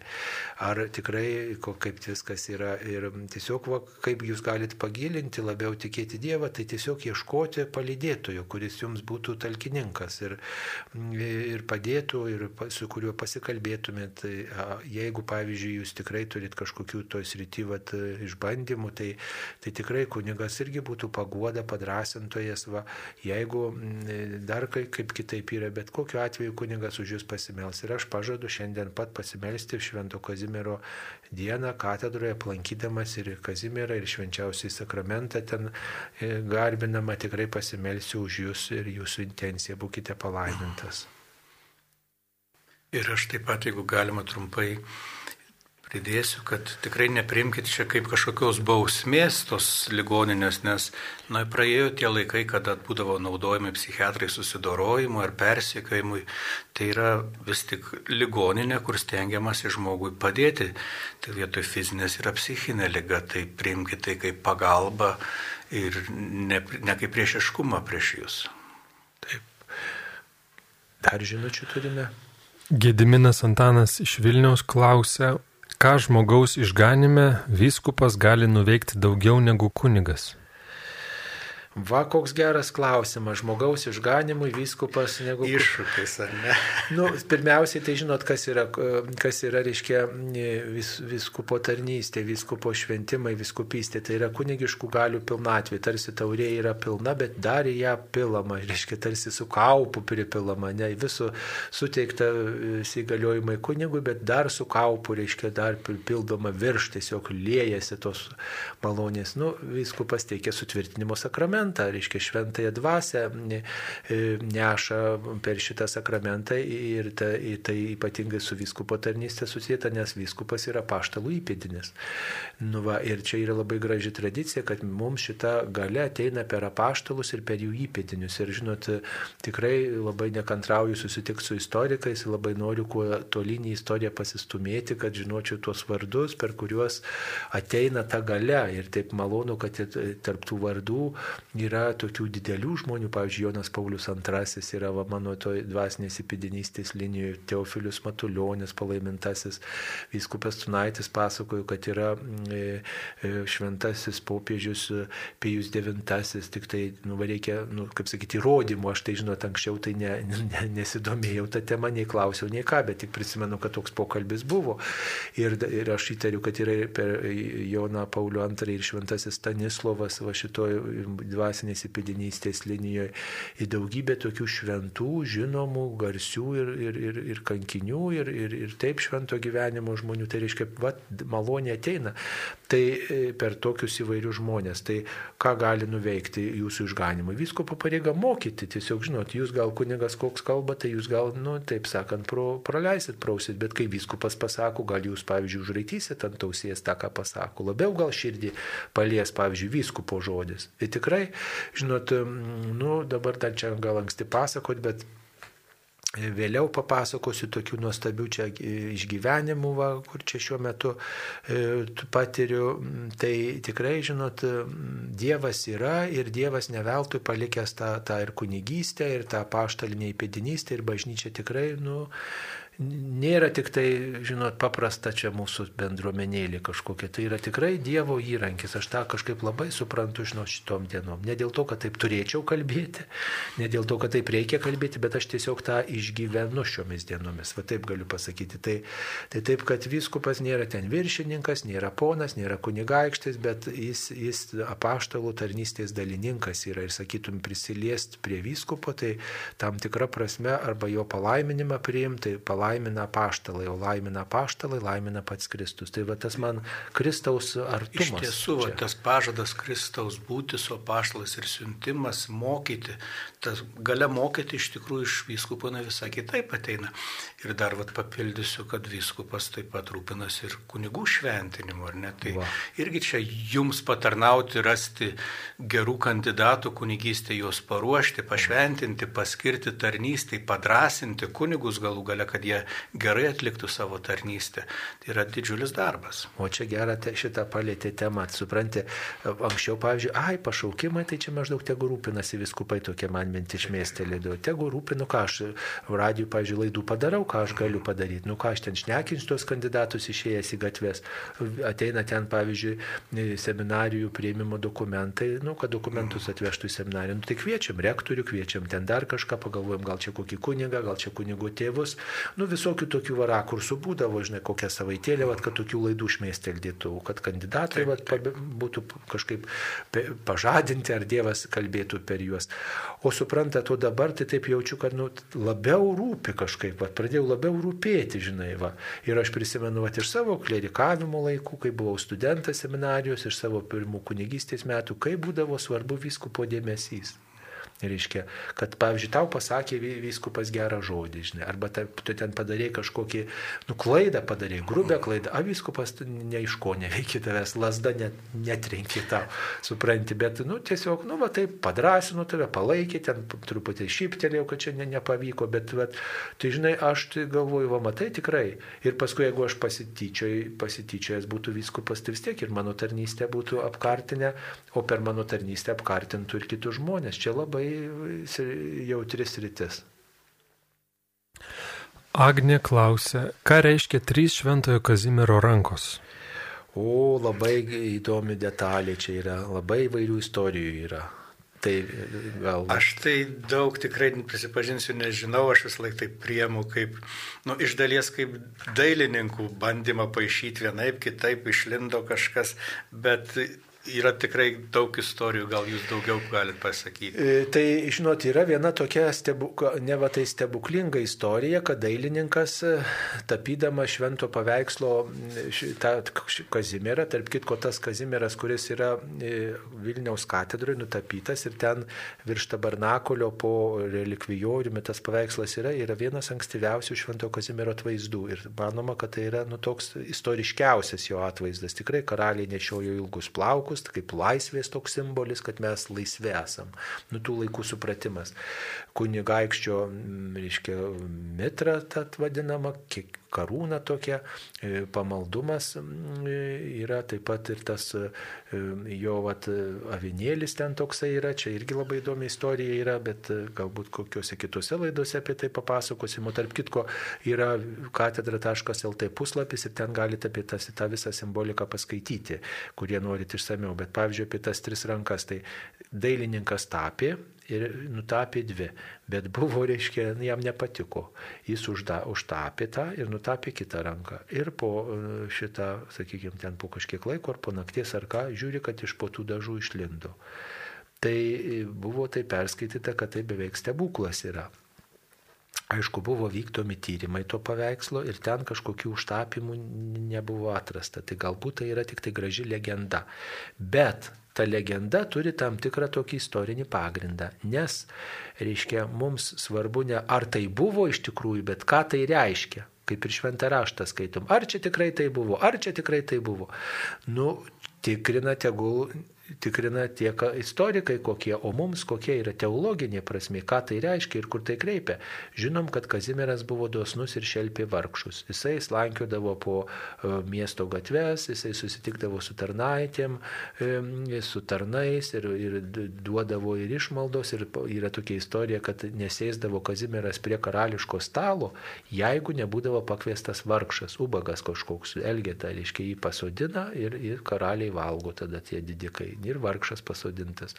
Tai visi žiūrėjo kaip į keistuolį kažkokį, į tą Kazimierą mm, jo gailaitį. Ir mm, suprantate, tai va tai ir reiškia tas, tos, tos rankos tokį, kad dosnumą, jo dosnumą ir, ir tokį nesavanaudiškumą. Ir žiūrėkit, ta dvi rankos laiko lelyje. Tai tiesiog, nu, va, per Kazimierą ateina tas kvietimas būti tokiais, mm, nu, žydėti dorybėmis, sakytum, žydėti gerais darbais, pražysti e, tuo, kas į Dievą veda. Ir be tos lelyje yra skaistumo simbolis. Tai, iškiai, žydėti skaistumo, skaistumas yra pagarba kitam žmogui. Pirmiausiai pagarba. Jeigu kitą gerbsi, tai nei jo išnaudosi, nei nuskriausi, nei nieko gerbt save ir gerbt kitą. Tai, tai va, nu, man tokia, tokios vat mintys, reiškia, ateina žiūrint į tą į Kazimierą trirankį, kaip vadinama. Tai, nu, gal istorinis ten, žinot, yra, yra kažkaip apdailinta.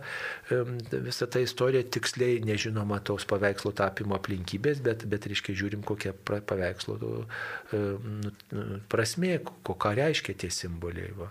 Taip. Labai gražiai, ačiū. Mums paskambino. E, žinutė atsiuntė. Taip, žinutė klausia, kodėl pasninkaujama penktadieniais, o ne kitomis savaitės dienomis.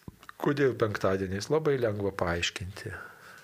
Tai penktadienis yra iš tikrųjų va, Kristaus kančios diena ir kitose dar yra vienuolynų tradicijose, dar ir trečiadienis yra įdedamas pasniko, ten mes tikime, kad trečiadienį Judas būtent išdavė Jėzų, tai čia va ir tai už išdavystę atgailaut, o penktadienis tai jau tas kančios laikas, kada yra įsilakstę paštalai ir nemaistas galvoja ir, ir iš viso tasai va, reikia nežudyk nieko, net tą dieną, net, nes net, net Dievą per tai neapsižiūrėjęs gali nužudyti, ar ne? Tai, Tai va tas daugiau va, su, su tuo susijęs, kad mes prisimenam Kristaus kančią, jo mirtį ir, ir taip pat tas pasnikas tada yra va, ir su meilė susijęs, kad tu meilės darbais artimui kažkaip va, nuo savęs nuimk ir duok kitam. Tai irgi va čia toksai, kad tą brolystę mūsų vystyti. Nu, ir čia tie, tie dalykai susi, susikerta, kažkaip susitinka, nes Jėzus parodė meilę atsisakydamas savo tokio kilnumo, gro, tokio va, pilnatvės, jisai nusižemino iki kryžiaus mirties. Tai irgi apiplėšė save, nu, didžiausios formos pasi. Ne maisto atsisakė, bet savo tokios garbės, dievystės, to triumfo nusižemindamas iki žmogaus. O mes tik tai solidarumą parodom su Jėzum prisimenam, bet ir kartu solidarumą tada tada ir su kitais nevalgau, pasidalinu su kitais, bet svarbu tas dalinimosi aspektas. Taip. Iki kada rekomenduojama pakrikštyti vaikelį, klausė Julija. Nu, kuo greičiau, palno, taip jau pa- pakrikštyti po gimimo ir ne- netemti gumos, jeigu jums tikėjimas brangus, kaip sakant, ir, ir viešpati myli, tai stenkitės kuo greičiau ten. Ypatingai šiais laikais, kada tikrai yra priemonių ir atvažiuoti, ir saugiai, ir šiltai. Seniau kaimuose su rogiam veždavo tenais vos savaitės kūdikį ir atveždavo ir pakrikštydavo ir rūpinosi tuo. Tai aš manau, kad ir mes neturėtume atidėlioti. Nu, dabar dėl baliaus, matai, svarsto, kad čia patogu pabaliavot būtų, kad patogu Tai kavinė balių užsakyti. padarykit vėliau per gimtadienį dar kažką. Jo, galima šitą, nu žinot, nuotraukų nori su kunigu ten ir su, su, su, su bažnyčia. Nu čia va tokie įsipina dalykai, nu, kurie ir paskui jie užgožia, žinot, ir užgožia tie visi blizgėsiai, dovanos ir tas balius ir tos kavinės užgožia tą esmę. Va tas biškis skaudu, truputį skaudu. Galų gale juk tas vaikelis ne per vieną dieną išsirita, tie devyni mėnesiai, kol jo laukia, tai galima ir tą šventę jau suruošti ir planuoti ir, ir visą kitą. Ir e, šiaip tai pagal e, tokius reikalavimus, tai jeigu, pavyzdžiui, iki septynių metų vaikas nepakrikštytas, tai paskui nuo septynių metų reikia vyskupo leidimo. Reiškia, kunigas, kuris krikštytų, turi kreiptis į vyskupą ir leidimo prašyti pagal kanonus tokia tvarka. Ir e, tada jau žmogus ruošiasi, jau sąmoningai pats turi ruoštis, jau poterius mokytis. Jau lanko pirmos komunijos Taip. praktiškai pamokėlės Taip, visas. ir tada prieš pirmos komunijos tą šventę kažkada vyksta krikštas. Tai, tai va tą turėkit galvoj, mėly žmonės, kad nebus taip, kad jau septyni, ai, vyresnis arba ir iš viso skriauda yra, kai vaikas sako, užauks ir tada mes, tegu nuspręs, kokią tikybą pasirinkti.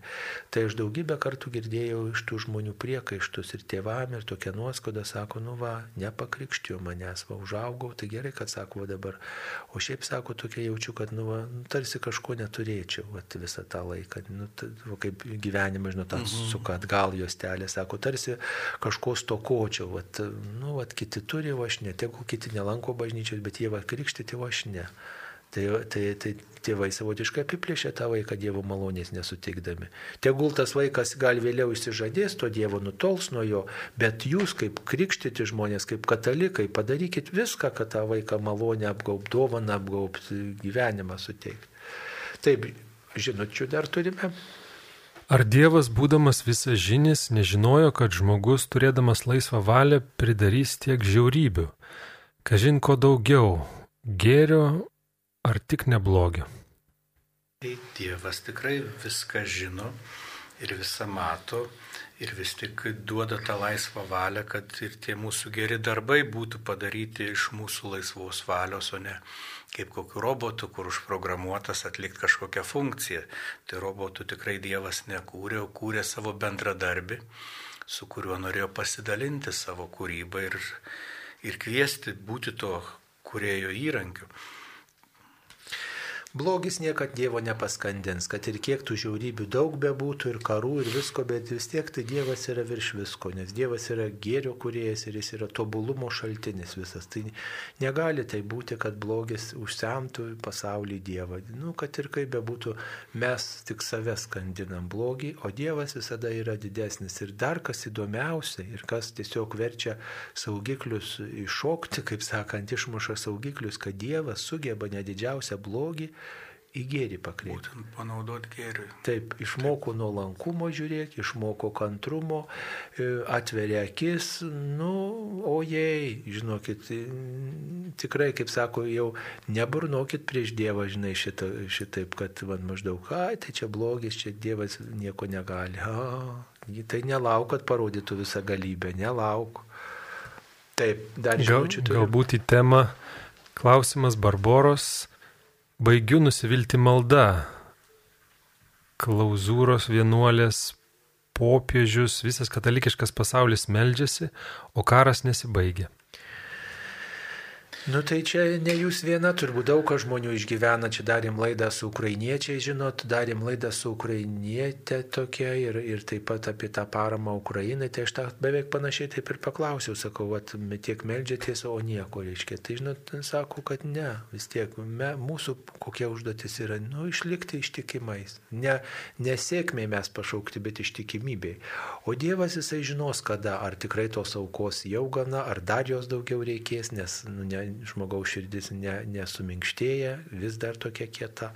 Ir kito būdo tiesiog Dievas nemato, kad jis gali suveikti. Ir čia va tas susijęs, ar ne, va tas blogis, iš, iš tikrųjų baisus dalykas, bet pažiūrėkit, kiek, kiek tas karas suvienijo ir aš prisimenu tą pačią mūsų tevinę Lietuvą, ar ne, kiek mes buvom susiskaldę, kiek susipykę, susidalinę, vieni vienaip, kiti kitaip, prasidėjo tas karas ir, ir grįžo ta vienybė ir palaikymas ir troškimas dalintis ir dosnumas ir aš manau, kad tai irgi yra tos maldos vaisiai, kad nu, vis tiek visas pasaulis vėl pradeda išgyventi tą vienybę, tiesiog, kad tai yra visų mūsų reikalas, ta taika ir sutarimas. Taip, ačiū. Dar žinučių turime. Ona klausia, kai melžiamės, sakom, kaip danguje, taip ir žemėje. Kur yra dangus? Dangus yra ten, kur yra Dievas, tai Dievo tvarka, Dievo harmonija, Dievo meilė, Dievo pilnatvė. Ir mes trokštam, kad tai kaip dangui tos, tos pilnatvės yra, reiškia, kaip yra tam buvime su Dievu, kitaip sakant, toj būsenoj.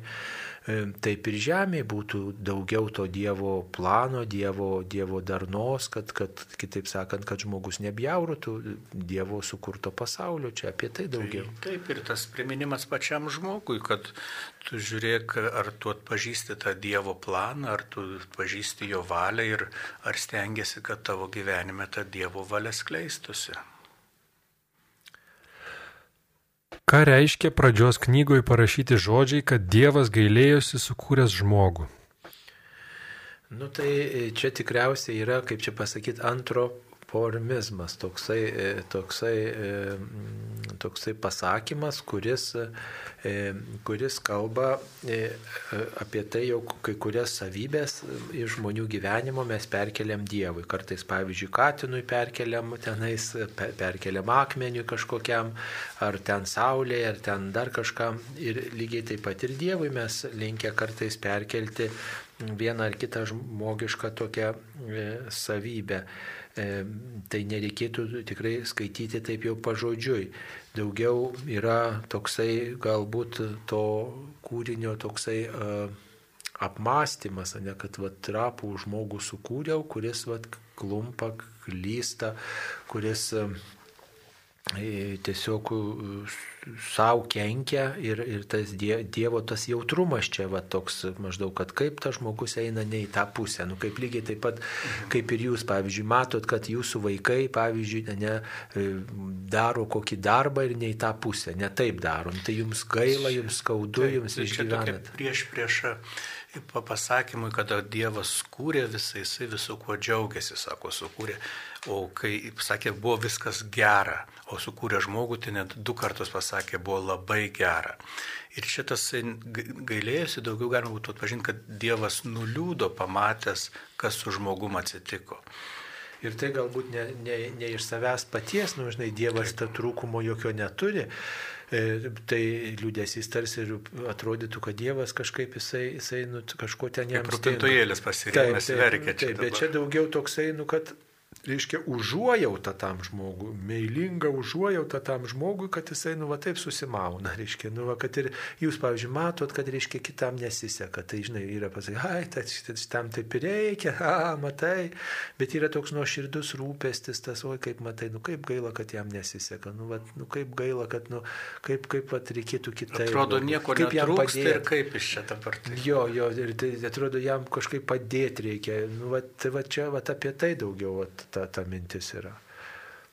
Taip, žinutę dar turime. Angelė klausia. E, pirmiausia, sveikinimai ekscelencijai ir tuomet prašom pakomentuoti profesoriaus Haliko mintį. Kai koronavirusas uždarė bažnyčias, susimaščiau, ar tai nėra mūsų bažnyčio ateitis. Šiandien Jėzus veržiasi išeiti iš bažnyčių. Veržėsi Jėzus išeiti iš bažnyčių. Nu, teisinga mintis, Jėzus nenori būti tabernakulio kaliniu, bet čia matot, reikia truputį irgi žiūrėti gilesnę prasme. Jėzus veržėsi į mūsų širdis, mes priimam komuniją ir tada esam tabernakuliai. Ir eikim ir mylėkim taip kaip Jėzus. Ir neškim tą Jėzų. Ir neškim ką Jėzų, o jeigu žinoma, Eucharistinė procesija visada yra gražu išnešti Jėzų į gatves ir tą darom per devintinės ir, ir neuždarom bažnyčios, bet tada bažnyčia išeina į gatves, viskas yra taip, bet vėl tai nėra savitikslis dalykas. Dievui garbė taip, bet Dievui garbė yra, kad žmogus viešpaties artumoj būtų. Va čia yra Dievo tikslas. Ir ta komunija, kodėl nešama ostija devintinėse, kad pasauliui paliūdytume, kad būtų ženklas, kad prakalbintume tą pasaulį, kad žmonės atsigręžtų į Dievą. Viena vertus mes išgyvenam tikėjimą, bet kita vertus mes ir evangelizuojam. Tai Tai Dievas veržėsi į mūsų širdis, va, kuris nori labiausiai būti ir kad mes jam atsilieptume. Va, va, va ta, eikit giliau truputėlį ir dar giliau eikit. Aš noriu Dievą matyti veidas į veidą amžinybei. Ir dėl to aš stiprinuosi Jėzum, dėl to aš ir gyvent noriu taip, kaip jis moku. O dėl tų tuščių bažnyčių per pandemiją, na tai visada mes tos įvaizdžius tokius apokaliptinius, ar ne, žiūrim, kad va, čia ateities pasaulio rodo, tai pastovi griuvėsi, tai dar kažkas, tai, mm -hmm. tai nu, nereikia čia išsigasti, būdavo ir tų marų, ir karų būdavo, ir bažnyčiai, ir perėjo per tai, ir, ir galbūt tas negalėjimas eiti dar labiau, va, žmonės paragino branginti tą buvimą kartu bažnyčioje ir kartu tą, toje bendruomenėje, kada kažko netenki, tas pasidaro brangu. Na tai svarbiausia, kad išliktų ne tiek pastatai, žinai, čia per visus kataklizmus, kiek išliktų žmonių tikėjimas, žmonių vat, tas noras remtis į Dievą, o jis įmanomas net kai ir sugriautos bažnyčios bus. Vat vyskupas iš Sirijos, žinai, pasakoja, kad ten, kur sugriauta, jeigu ten kažkur krikščionių buvę, ar, ar ten Armenijoje, per kuriuos laikus tai žmonės rinkdavosi namuose, pogrindį kažkur melstis. Tai va, tai jeigu yra krikščionis, tai yra ir Kristus, žinai, o tie pastatai, jie, jie ženklai yra, bet jeigu karas ir, ir visokios negandos marai tiesiog juos padaro tuščius ar iš jų pavirčia griuvėsius, tai vis tiek, jeigu žmogus lieka, jisai gali iškelti į, į, į dangų rankas ir širdį ir šauktis Dievo. Aldona klausia, kaip suprantamai paaiškinti keturių metų vaikui, kas yra Dievas ir ką reiškia žodis šventas. Šventas tai skirtas dievo, Dievui pagerbti. Tai tas labai toksai ypatingas daiktas, kurį reikia gerbti, kurį reikia tausoti ir kuris nu, susijęs su, su didžiulė meilė. O Dievas tas, kuris rūpinasi ir kuris dovanojo mamą ir tėti pačius geriausius dalykus. Jis yra geriausių dalykų autorius. Pačių geriausių dalykų autorius. Kas vaikui yra geriausi dalykai? Ledai galbūt saldainiai, šokoladai, žaislai, nežinau, dar kažkas, laimingi tėvai, draugystė namuose, daug draugų, kelionė kažkokia, bet reikia žinot, kad ir už tėčių, ir už mamos, ir už tų yra ne fabrikas, ne, ne, ne seneliai yra, bet dar yra Dievas tame dalyvau. Dievas, kuris tau davė ir senelius, Dievas, kuris davė ir žaislų pardavėją, ir kuris ledus sukūrė arba jį davė. Duoda meilės, rūpesčių mumis. Ir... Rūpinasi per konkrečius žmonės, aš tai taip va, paaiškinčiau. Va, tai vaikui suprantamais įvaizdžiais, tai va, nu, sunku tą užduotis pripažįstu.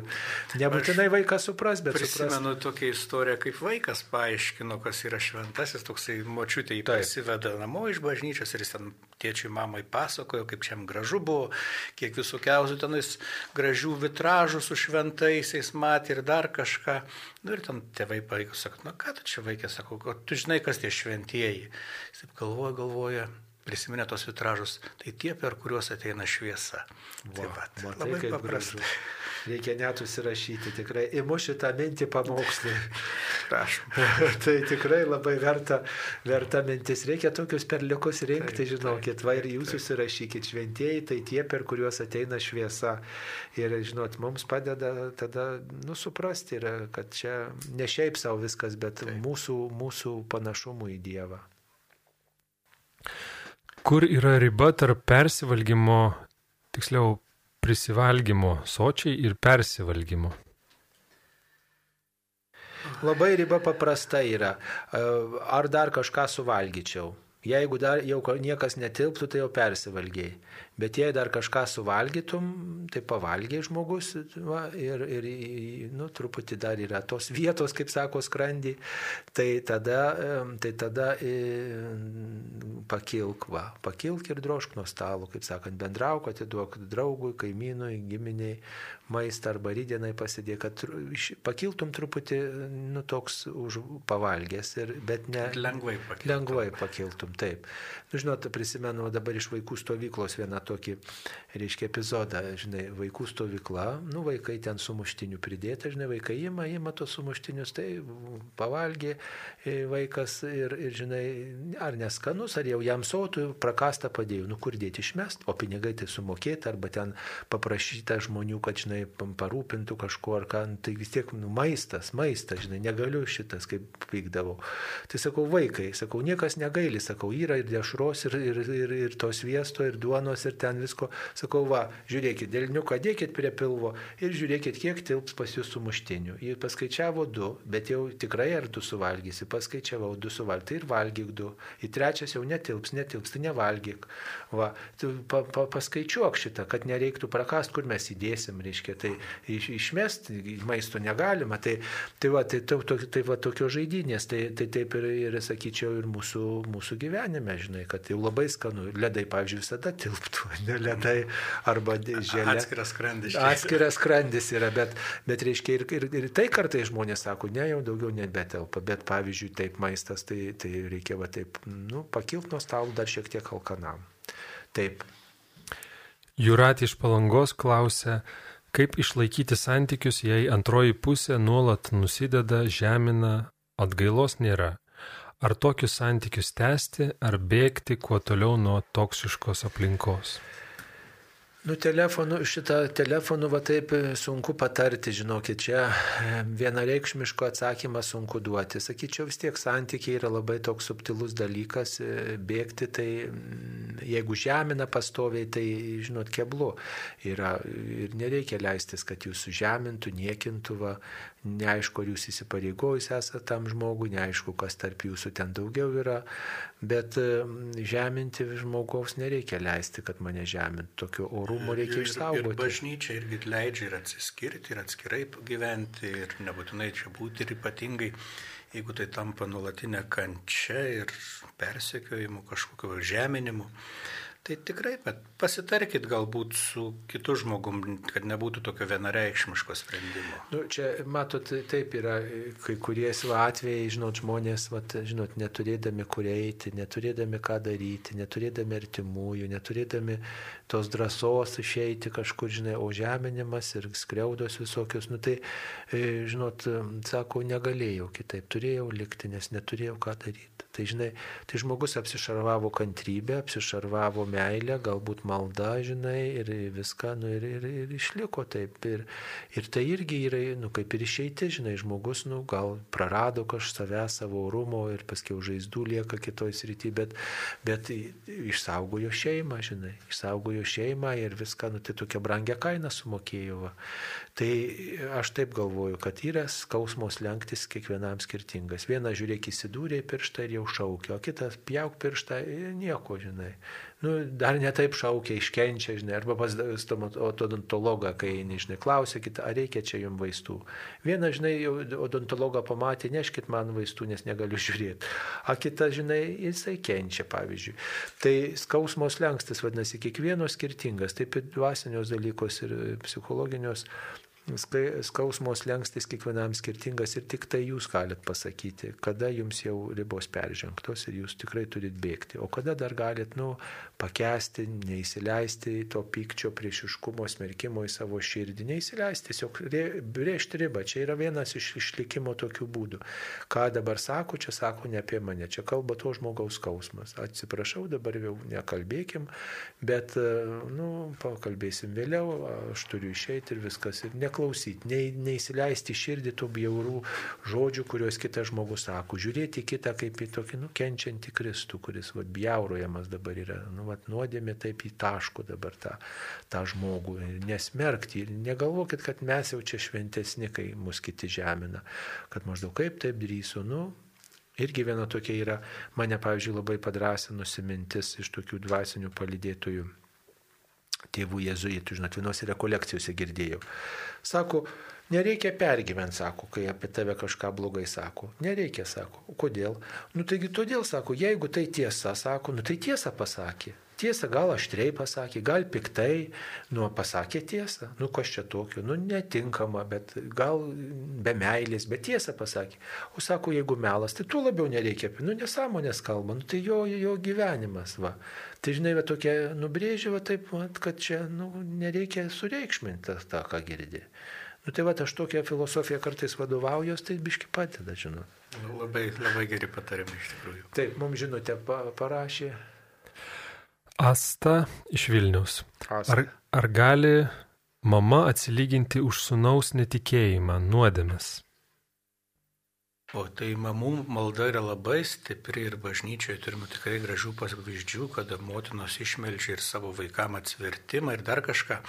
Kitas momentas vėlgi yra, jeigu tas žmogus jau yra miręs, tai dar labiau reikia melstis ir atlaidai egzistuoja, kur mes melčiamės už mirusius ir visi kiti dalykai. Tai, tai, tai mamos malda yra be galo stipri. Tai prašykit, kad e, mamos už jūs melstusi. Aš, pavyzdžiui, prašau visada, kad mama melstusi ir prašau, kad palaimintų. Tai su mama ypatingas toks yra ryšys ir, ir jeigu mama tikrai maldo žmogus, nu, tai, žinot, vaiko, vaikui tiesiog tiesia ne tik tai tą fizinį kelią ir tai fiziškai palydį gyvenimą, bet ir, bet ir dvasinė, ta motinystė nepaprastai brangi. Taip, dar žinučių turime. Ar balsuoti, jei abejoji, ar asmuo tinkamas į valdžią?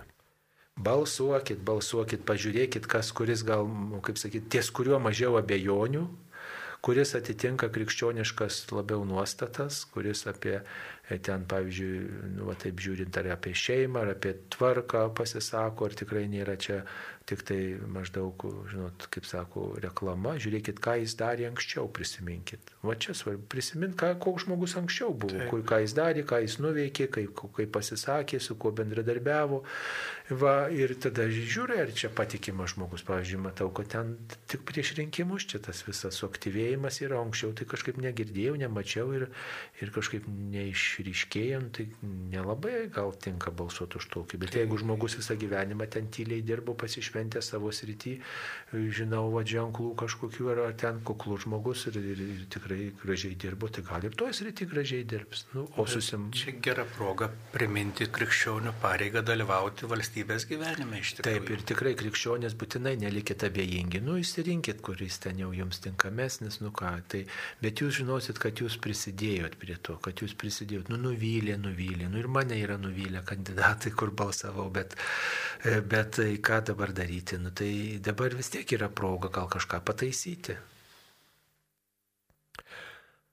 Ar dar turi galios pas Dievą šventas Kazimiras, taip seniai iškeliavęs, ar nesibaigė jo resursai? O, koks gražus klausimas. Nu, Dievo resursai niekada nesibaigė. Matot, šventieji šventi yra ne iš savęs, bet iš Dievo to šventumo. Tikrai patikėkit, nesibaigė, tik tai mes pamirštam. Nuo pat senų laikų tą, tą šventą Juozapą, žiūrėk, prisiminkim ir mergelę Mariją, o, kurie daug, daug šimtmečių atgal. Tai va, Juozapas, pavyzdžiui, žiūrėkit kaip, ką nejaučiat jo globos, klausykite. Labai stipriai. Nu, va, ypatingai, kai vardą turite Juozapas, tai va, tai, o jau kiek jau, ne, tai čia tiesiog dėlė su dėlė viskas. Kitas yra momentas, kada mes, nu, neprašom jų užtarimų ir nežinau, va, Lietuvoje Kazimieras, jisai vienur labiau mylimas, kitur mažiau. Išėvyje žinau, kad labai stipriai mylimas Kazimieras, netgi daugiau. Net tokį įdomų faktą radau, kad Lietuvoje šventam Kazimierui yra dedikuoto 50 bažnyčių. išeivijoje 200.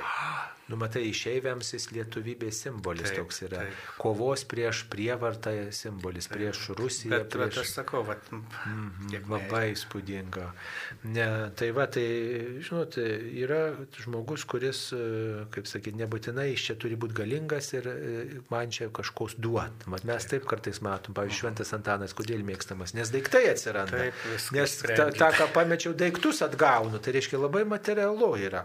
Bet, e, nu, kartais ar čia teisinga tokia prieiga, kad, reiškia, aš naudos ieškau. Ai, Bet vis tiek va, labai žmogiškas dalykas, bet aš esu va, pats girdėjęs daugybę gražių liudijimų, ypač, pavyzdžiui, kada senesnės moteriškės sako, jau kojų nebepatempiu iki bažnyčios, bet nuėjau iki Kazimiero, atsiklapiau, pasimeldžiau ir kaip stirna, sako, nubėgau. Vat, va. Tai visokių tokių liūdėjimų yra, žinot, man irgi tekia yra girdėti, bet pavyzdžiui, man tai iš viso taip tokie, va, nu tie ženklai, žiūrėkit, laiko lelyje, skaistumo simbolis, laiko kryžių, tikėjimo simbolis, jisai meldėsi, va, prie į Mariją, tu turėjai pamaldumą, nu tai mūsų krašto, va, Marija, tai ypatingai, va, gerbiama tiek šventovių yra, tiesiog primena, va, tuos dalykus, Mi- mišiuose dalyvaudavo, melsdavosi net uždarytos durys buvo, susimovė, nepavyko karas, nelaimėjo mūšį, atsigrėžė į Dievą, Dievu rėmėsi, rūpinosi vargšais. Nu tai va, užtenka, kad ne, tų, tų tokių va ženklų, kad tu žmogaus žiūrėk, va buvo tokios istorijos. Ir žiūrėk, va tau primena apie tokią va tikėjimo raišką. Man, pavyzdžiui, to pakanka. Išbandymų daug turėjai. Tai išbandymų daug, dvarė ten iš jo šaipėsi, maždaug ką, ką čia tas karalaitis. O pasirodo, jisai labai ir, ir mokėjo ten ir lotynų kalbą, ir išsilavinęs buvo visą. Du metus valdė valstybę. Ir netgi valstybė valdė, ir skolas likvidavo, ir amatininkams suteikė, vadinasi, šitas teisės, rūpinosi ir iš kitais, kaip čia pasakyti, smulkiais verslininkais, kaip dabar sakytume. Tai už tai ta kaziuko mugė. Kodėl yra? Dėl to, kad jisai vat, rūpinosi tais smulkiais, va, tokiais e, žmogeliais, kurie, reiškia, vat, galėtų jie prisidėti prie e, valstybės krašto tokio ūkdymo, tai jiems teisės visokios galimybės ir dėl to vat, tos tradicijos liko organizuotas kaziuko mugės. Va, tai čia labai viskas, žinokit, nu kaip ženklas. Man jis yra tiesiog ženklas toksai apie vertybės, apie krikščionišką gyvenimą, tokiom aplinkybėm, kur atrodo, žinai, ten sėdėk, e, lašiniu, ką ten lašinius, nugarinės valgyk, žinai, ir, ir ten mėgaukės pramogom. O jisai, reiškia, pasirinko, vat, žinai, vat, vis tiek kitokį kelią, nors turėjo pilną teisę prabangoj maudytis. A, pasirinko turėjo, va, taigi, dešimt brolių seserų pasirodo turėjo. Tai- Taip, gausi šeima. Ir va, apie kitus mes nieko negirdėjome. Nieko negirdim, nors val- valdė sostus buvo viską ir ir viską, o, o jisai vat, vargšų mėgstamas. Pavyzdžiui, man, man didelis buvo įspūdis, sako, kodėl neišlikę votų į Kazimerą, reiškia, arba ten nedaug jų, nu tai pavokti, sako, nu gerai, pavokti per visokius apiplėšimus, bet sako, dar yra kitas dalykas, kad labai labai daug buvo vaškinių votų, reiškia, vargšai, kurie neturėjo už ką įpirkti, jie iš vaško atneždavo votą. Ir, ir tie votai, aišku, kad jie per laiką jie neišliko, gal išlydė iš vakės, gal kaip, bet, bet, va, bet va tokia detalė tai man buvo Labai labai... Taip, kad reiškia jisai buvo nu, mylė, mylimas tų paprastų žmonių vargšų ir, ir tada pagalvoju, nu va, viskas taip, nu va toks evangelinis žmogus, ne, ne vyskupas, ne kunigas, bet valdovas, e, pasaulietis, sakytum dabar, pasaulietčio va, ženklas. Tai turbūt gaila, kad mes Kazimierą pamiršę yra tikrai, aš, pavyzdžiui, labai, nu ir net sutvirtinimo vardą pasirinkau Kazimieras. Man atrodė... Sveikinam su vardadė. Taip, man buvo labai šitą įspūdingas, va toksai, nu, va, vien tik tas tokia ikonografija, jo reiškia kryžius ir skaistumas. Toks, nu, va, jie kalba, ten nereikia nieko, aš būdavau, nueinu Kazimiero koplyčią, galvoju, tai kokias čia maldas kalbėti reikia, nu ką, ar čia Dievui melstis, ar čia tam Kazimierui, visko, bet paskui kažkaip suprantu, kad gal užtenka atsėdėti, žiūrėti, būti prie tų relikvijų, tiesiog, va, nu, pamastyti apie va tokias tas vertybės, ka, kažką tokio, a, kaip čia man, va, to, būti tame, va, kaip čia man toj srity, va, galinėtis ten, pavyzdžiui, skaistumo srity arba ten tikėjimo išbandymas, koks, nu, va, pasvarstai. Nu ir kažkaip, va, nu ir tada eini toliau gyvenime, bet, va, žinai, kad tam žmogus svarbu buvo, man svarbu, nu kažkaip, va, ir gal pasakyk, Kazimierai, melski už mus ir va, ir malda tavo bus. Tikrai, tai, vat, galim tiesiog ir užbaigti gal maldą, nes laikas mūsų. Taip, baigėsi mūsų laikas, tai dėkojam tau viešpatie už šventąjį Kazimierą, kurį šiandien pagerbė visa Lietuva. Čia mes esam Vilniaus studijoje prie aušros vartų ir visai netoli tas šventasis Kazimieras, jo relikvijos. Netrukus ten eisime išvesti šventasias mišes, dėkosime už visą pagalbą ir prašysim taikos malonės, nes Kazimieras yra tas, kuris meldžiasi už taiką ir, ir, ir gynė Lietuvą ir šitą kraštą nuo visokių priešų, tai tegul ir mūsų tėvynė toliau gina ir padeda mums ginti savo kraštą. Ir taip pat padeda Ukrainai, Ukrainai e, tame kare, kad, kad tikrai kuo greičiau liautųsi karas ir stotų taika pasaulyje ir žmonės atsiverstų į tikėjimą.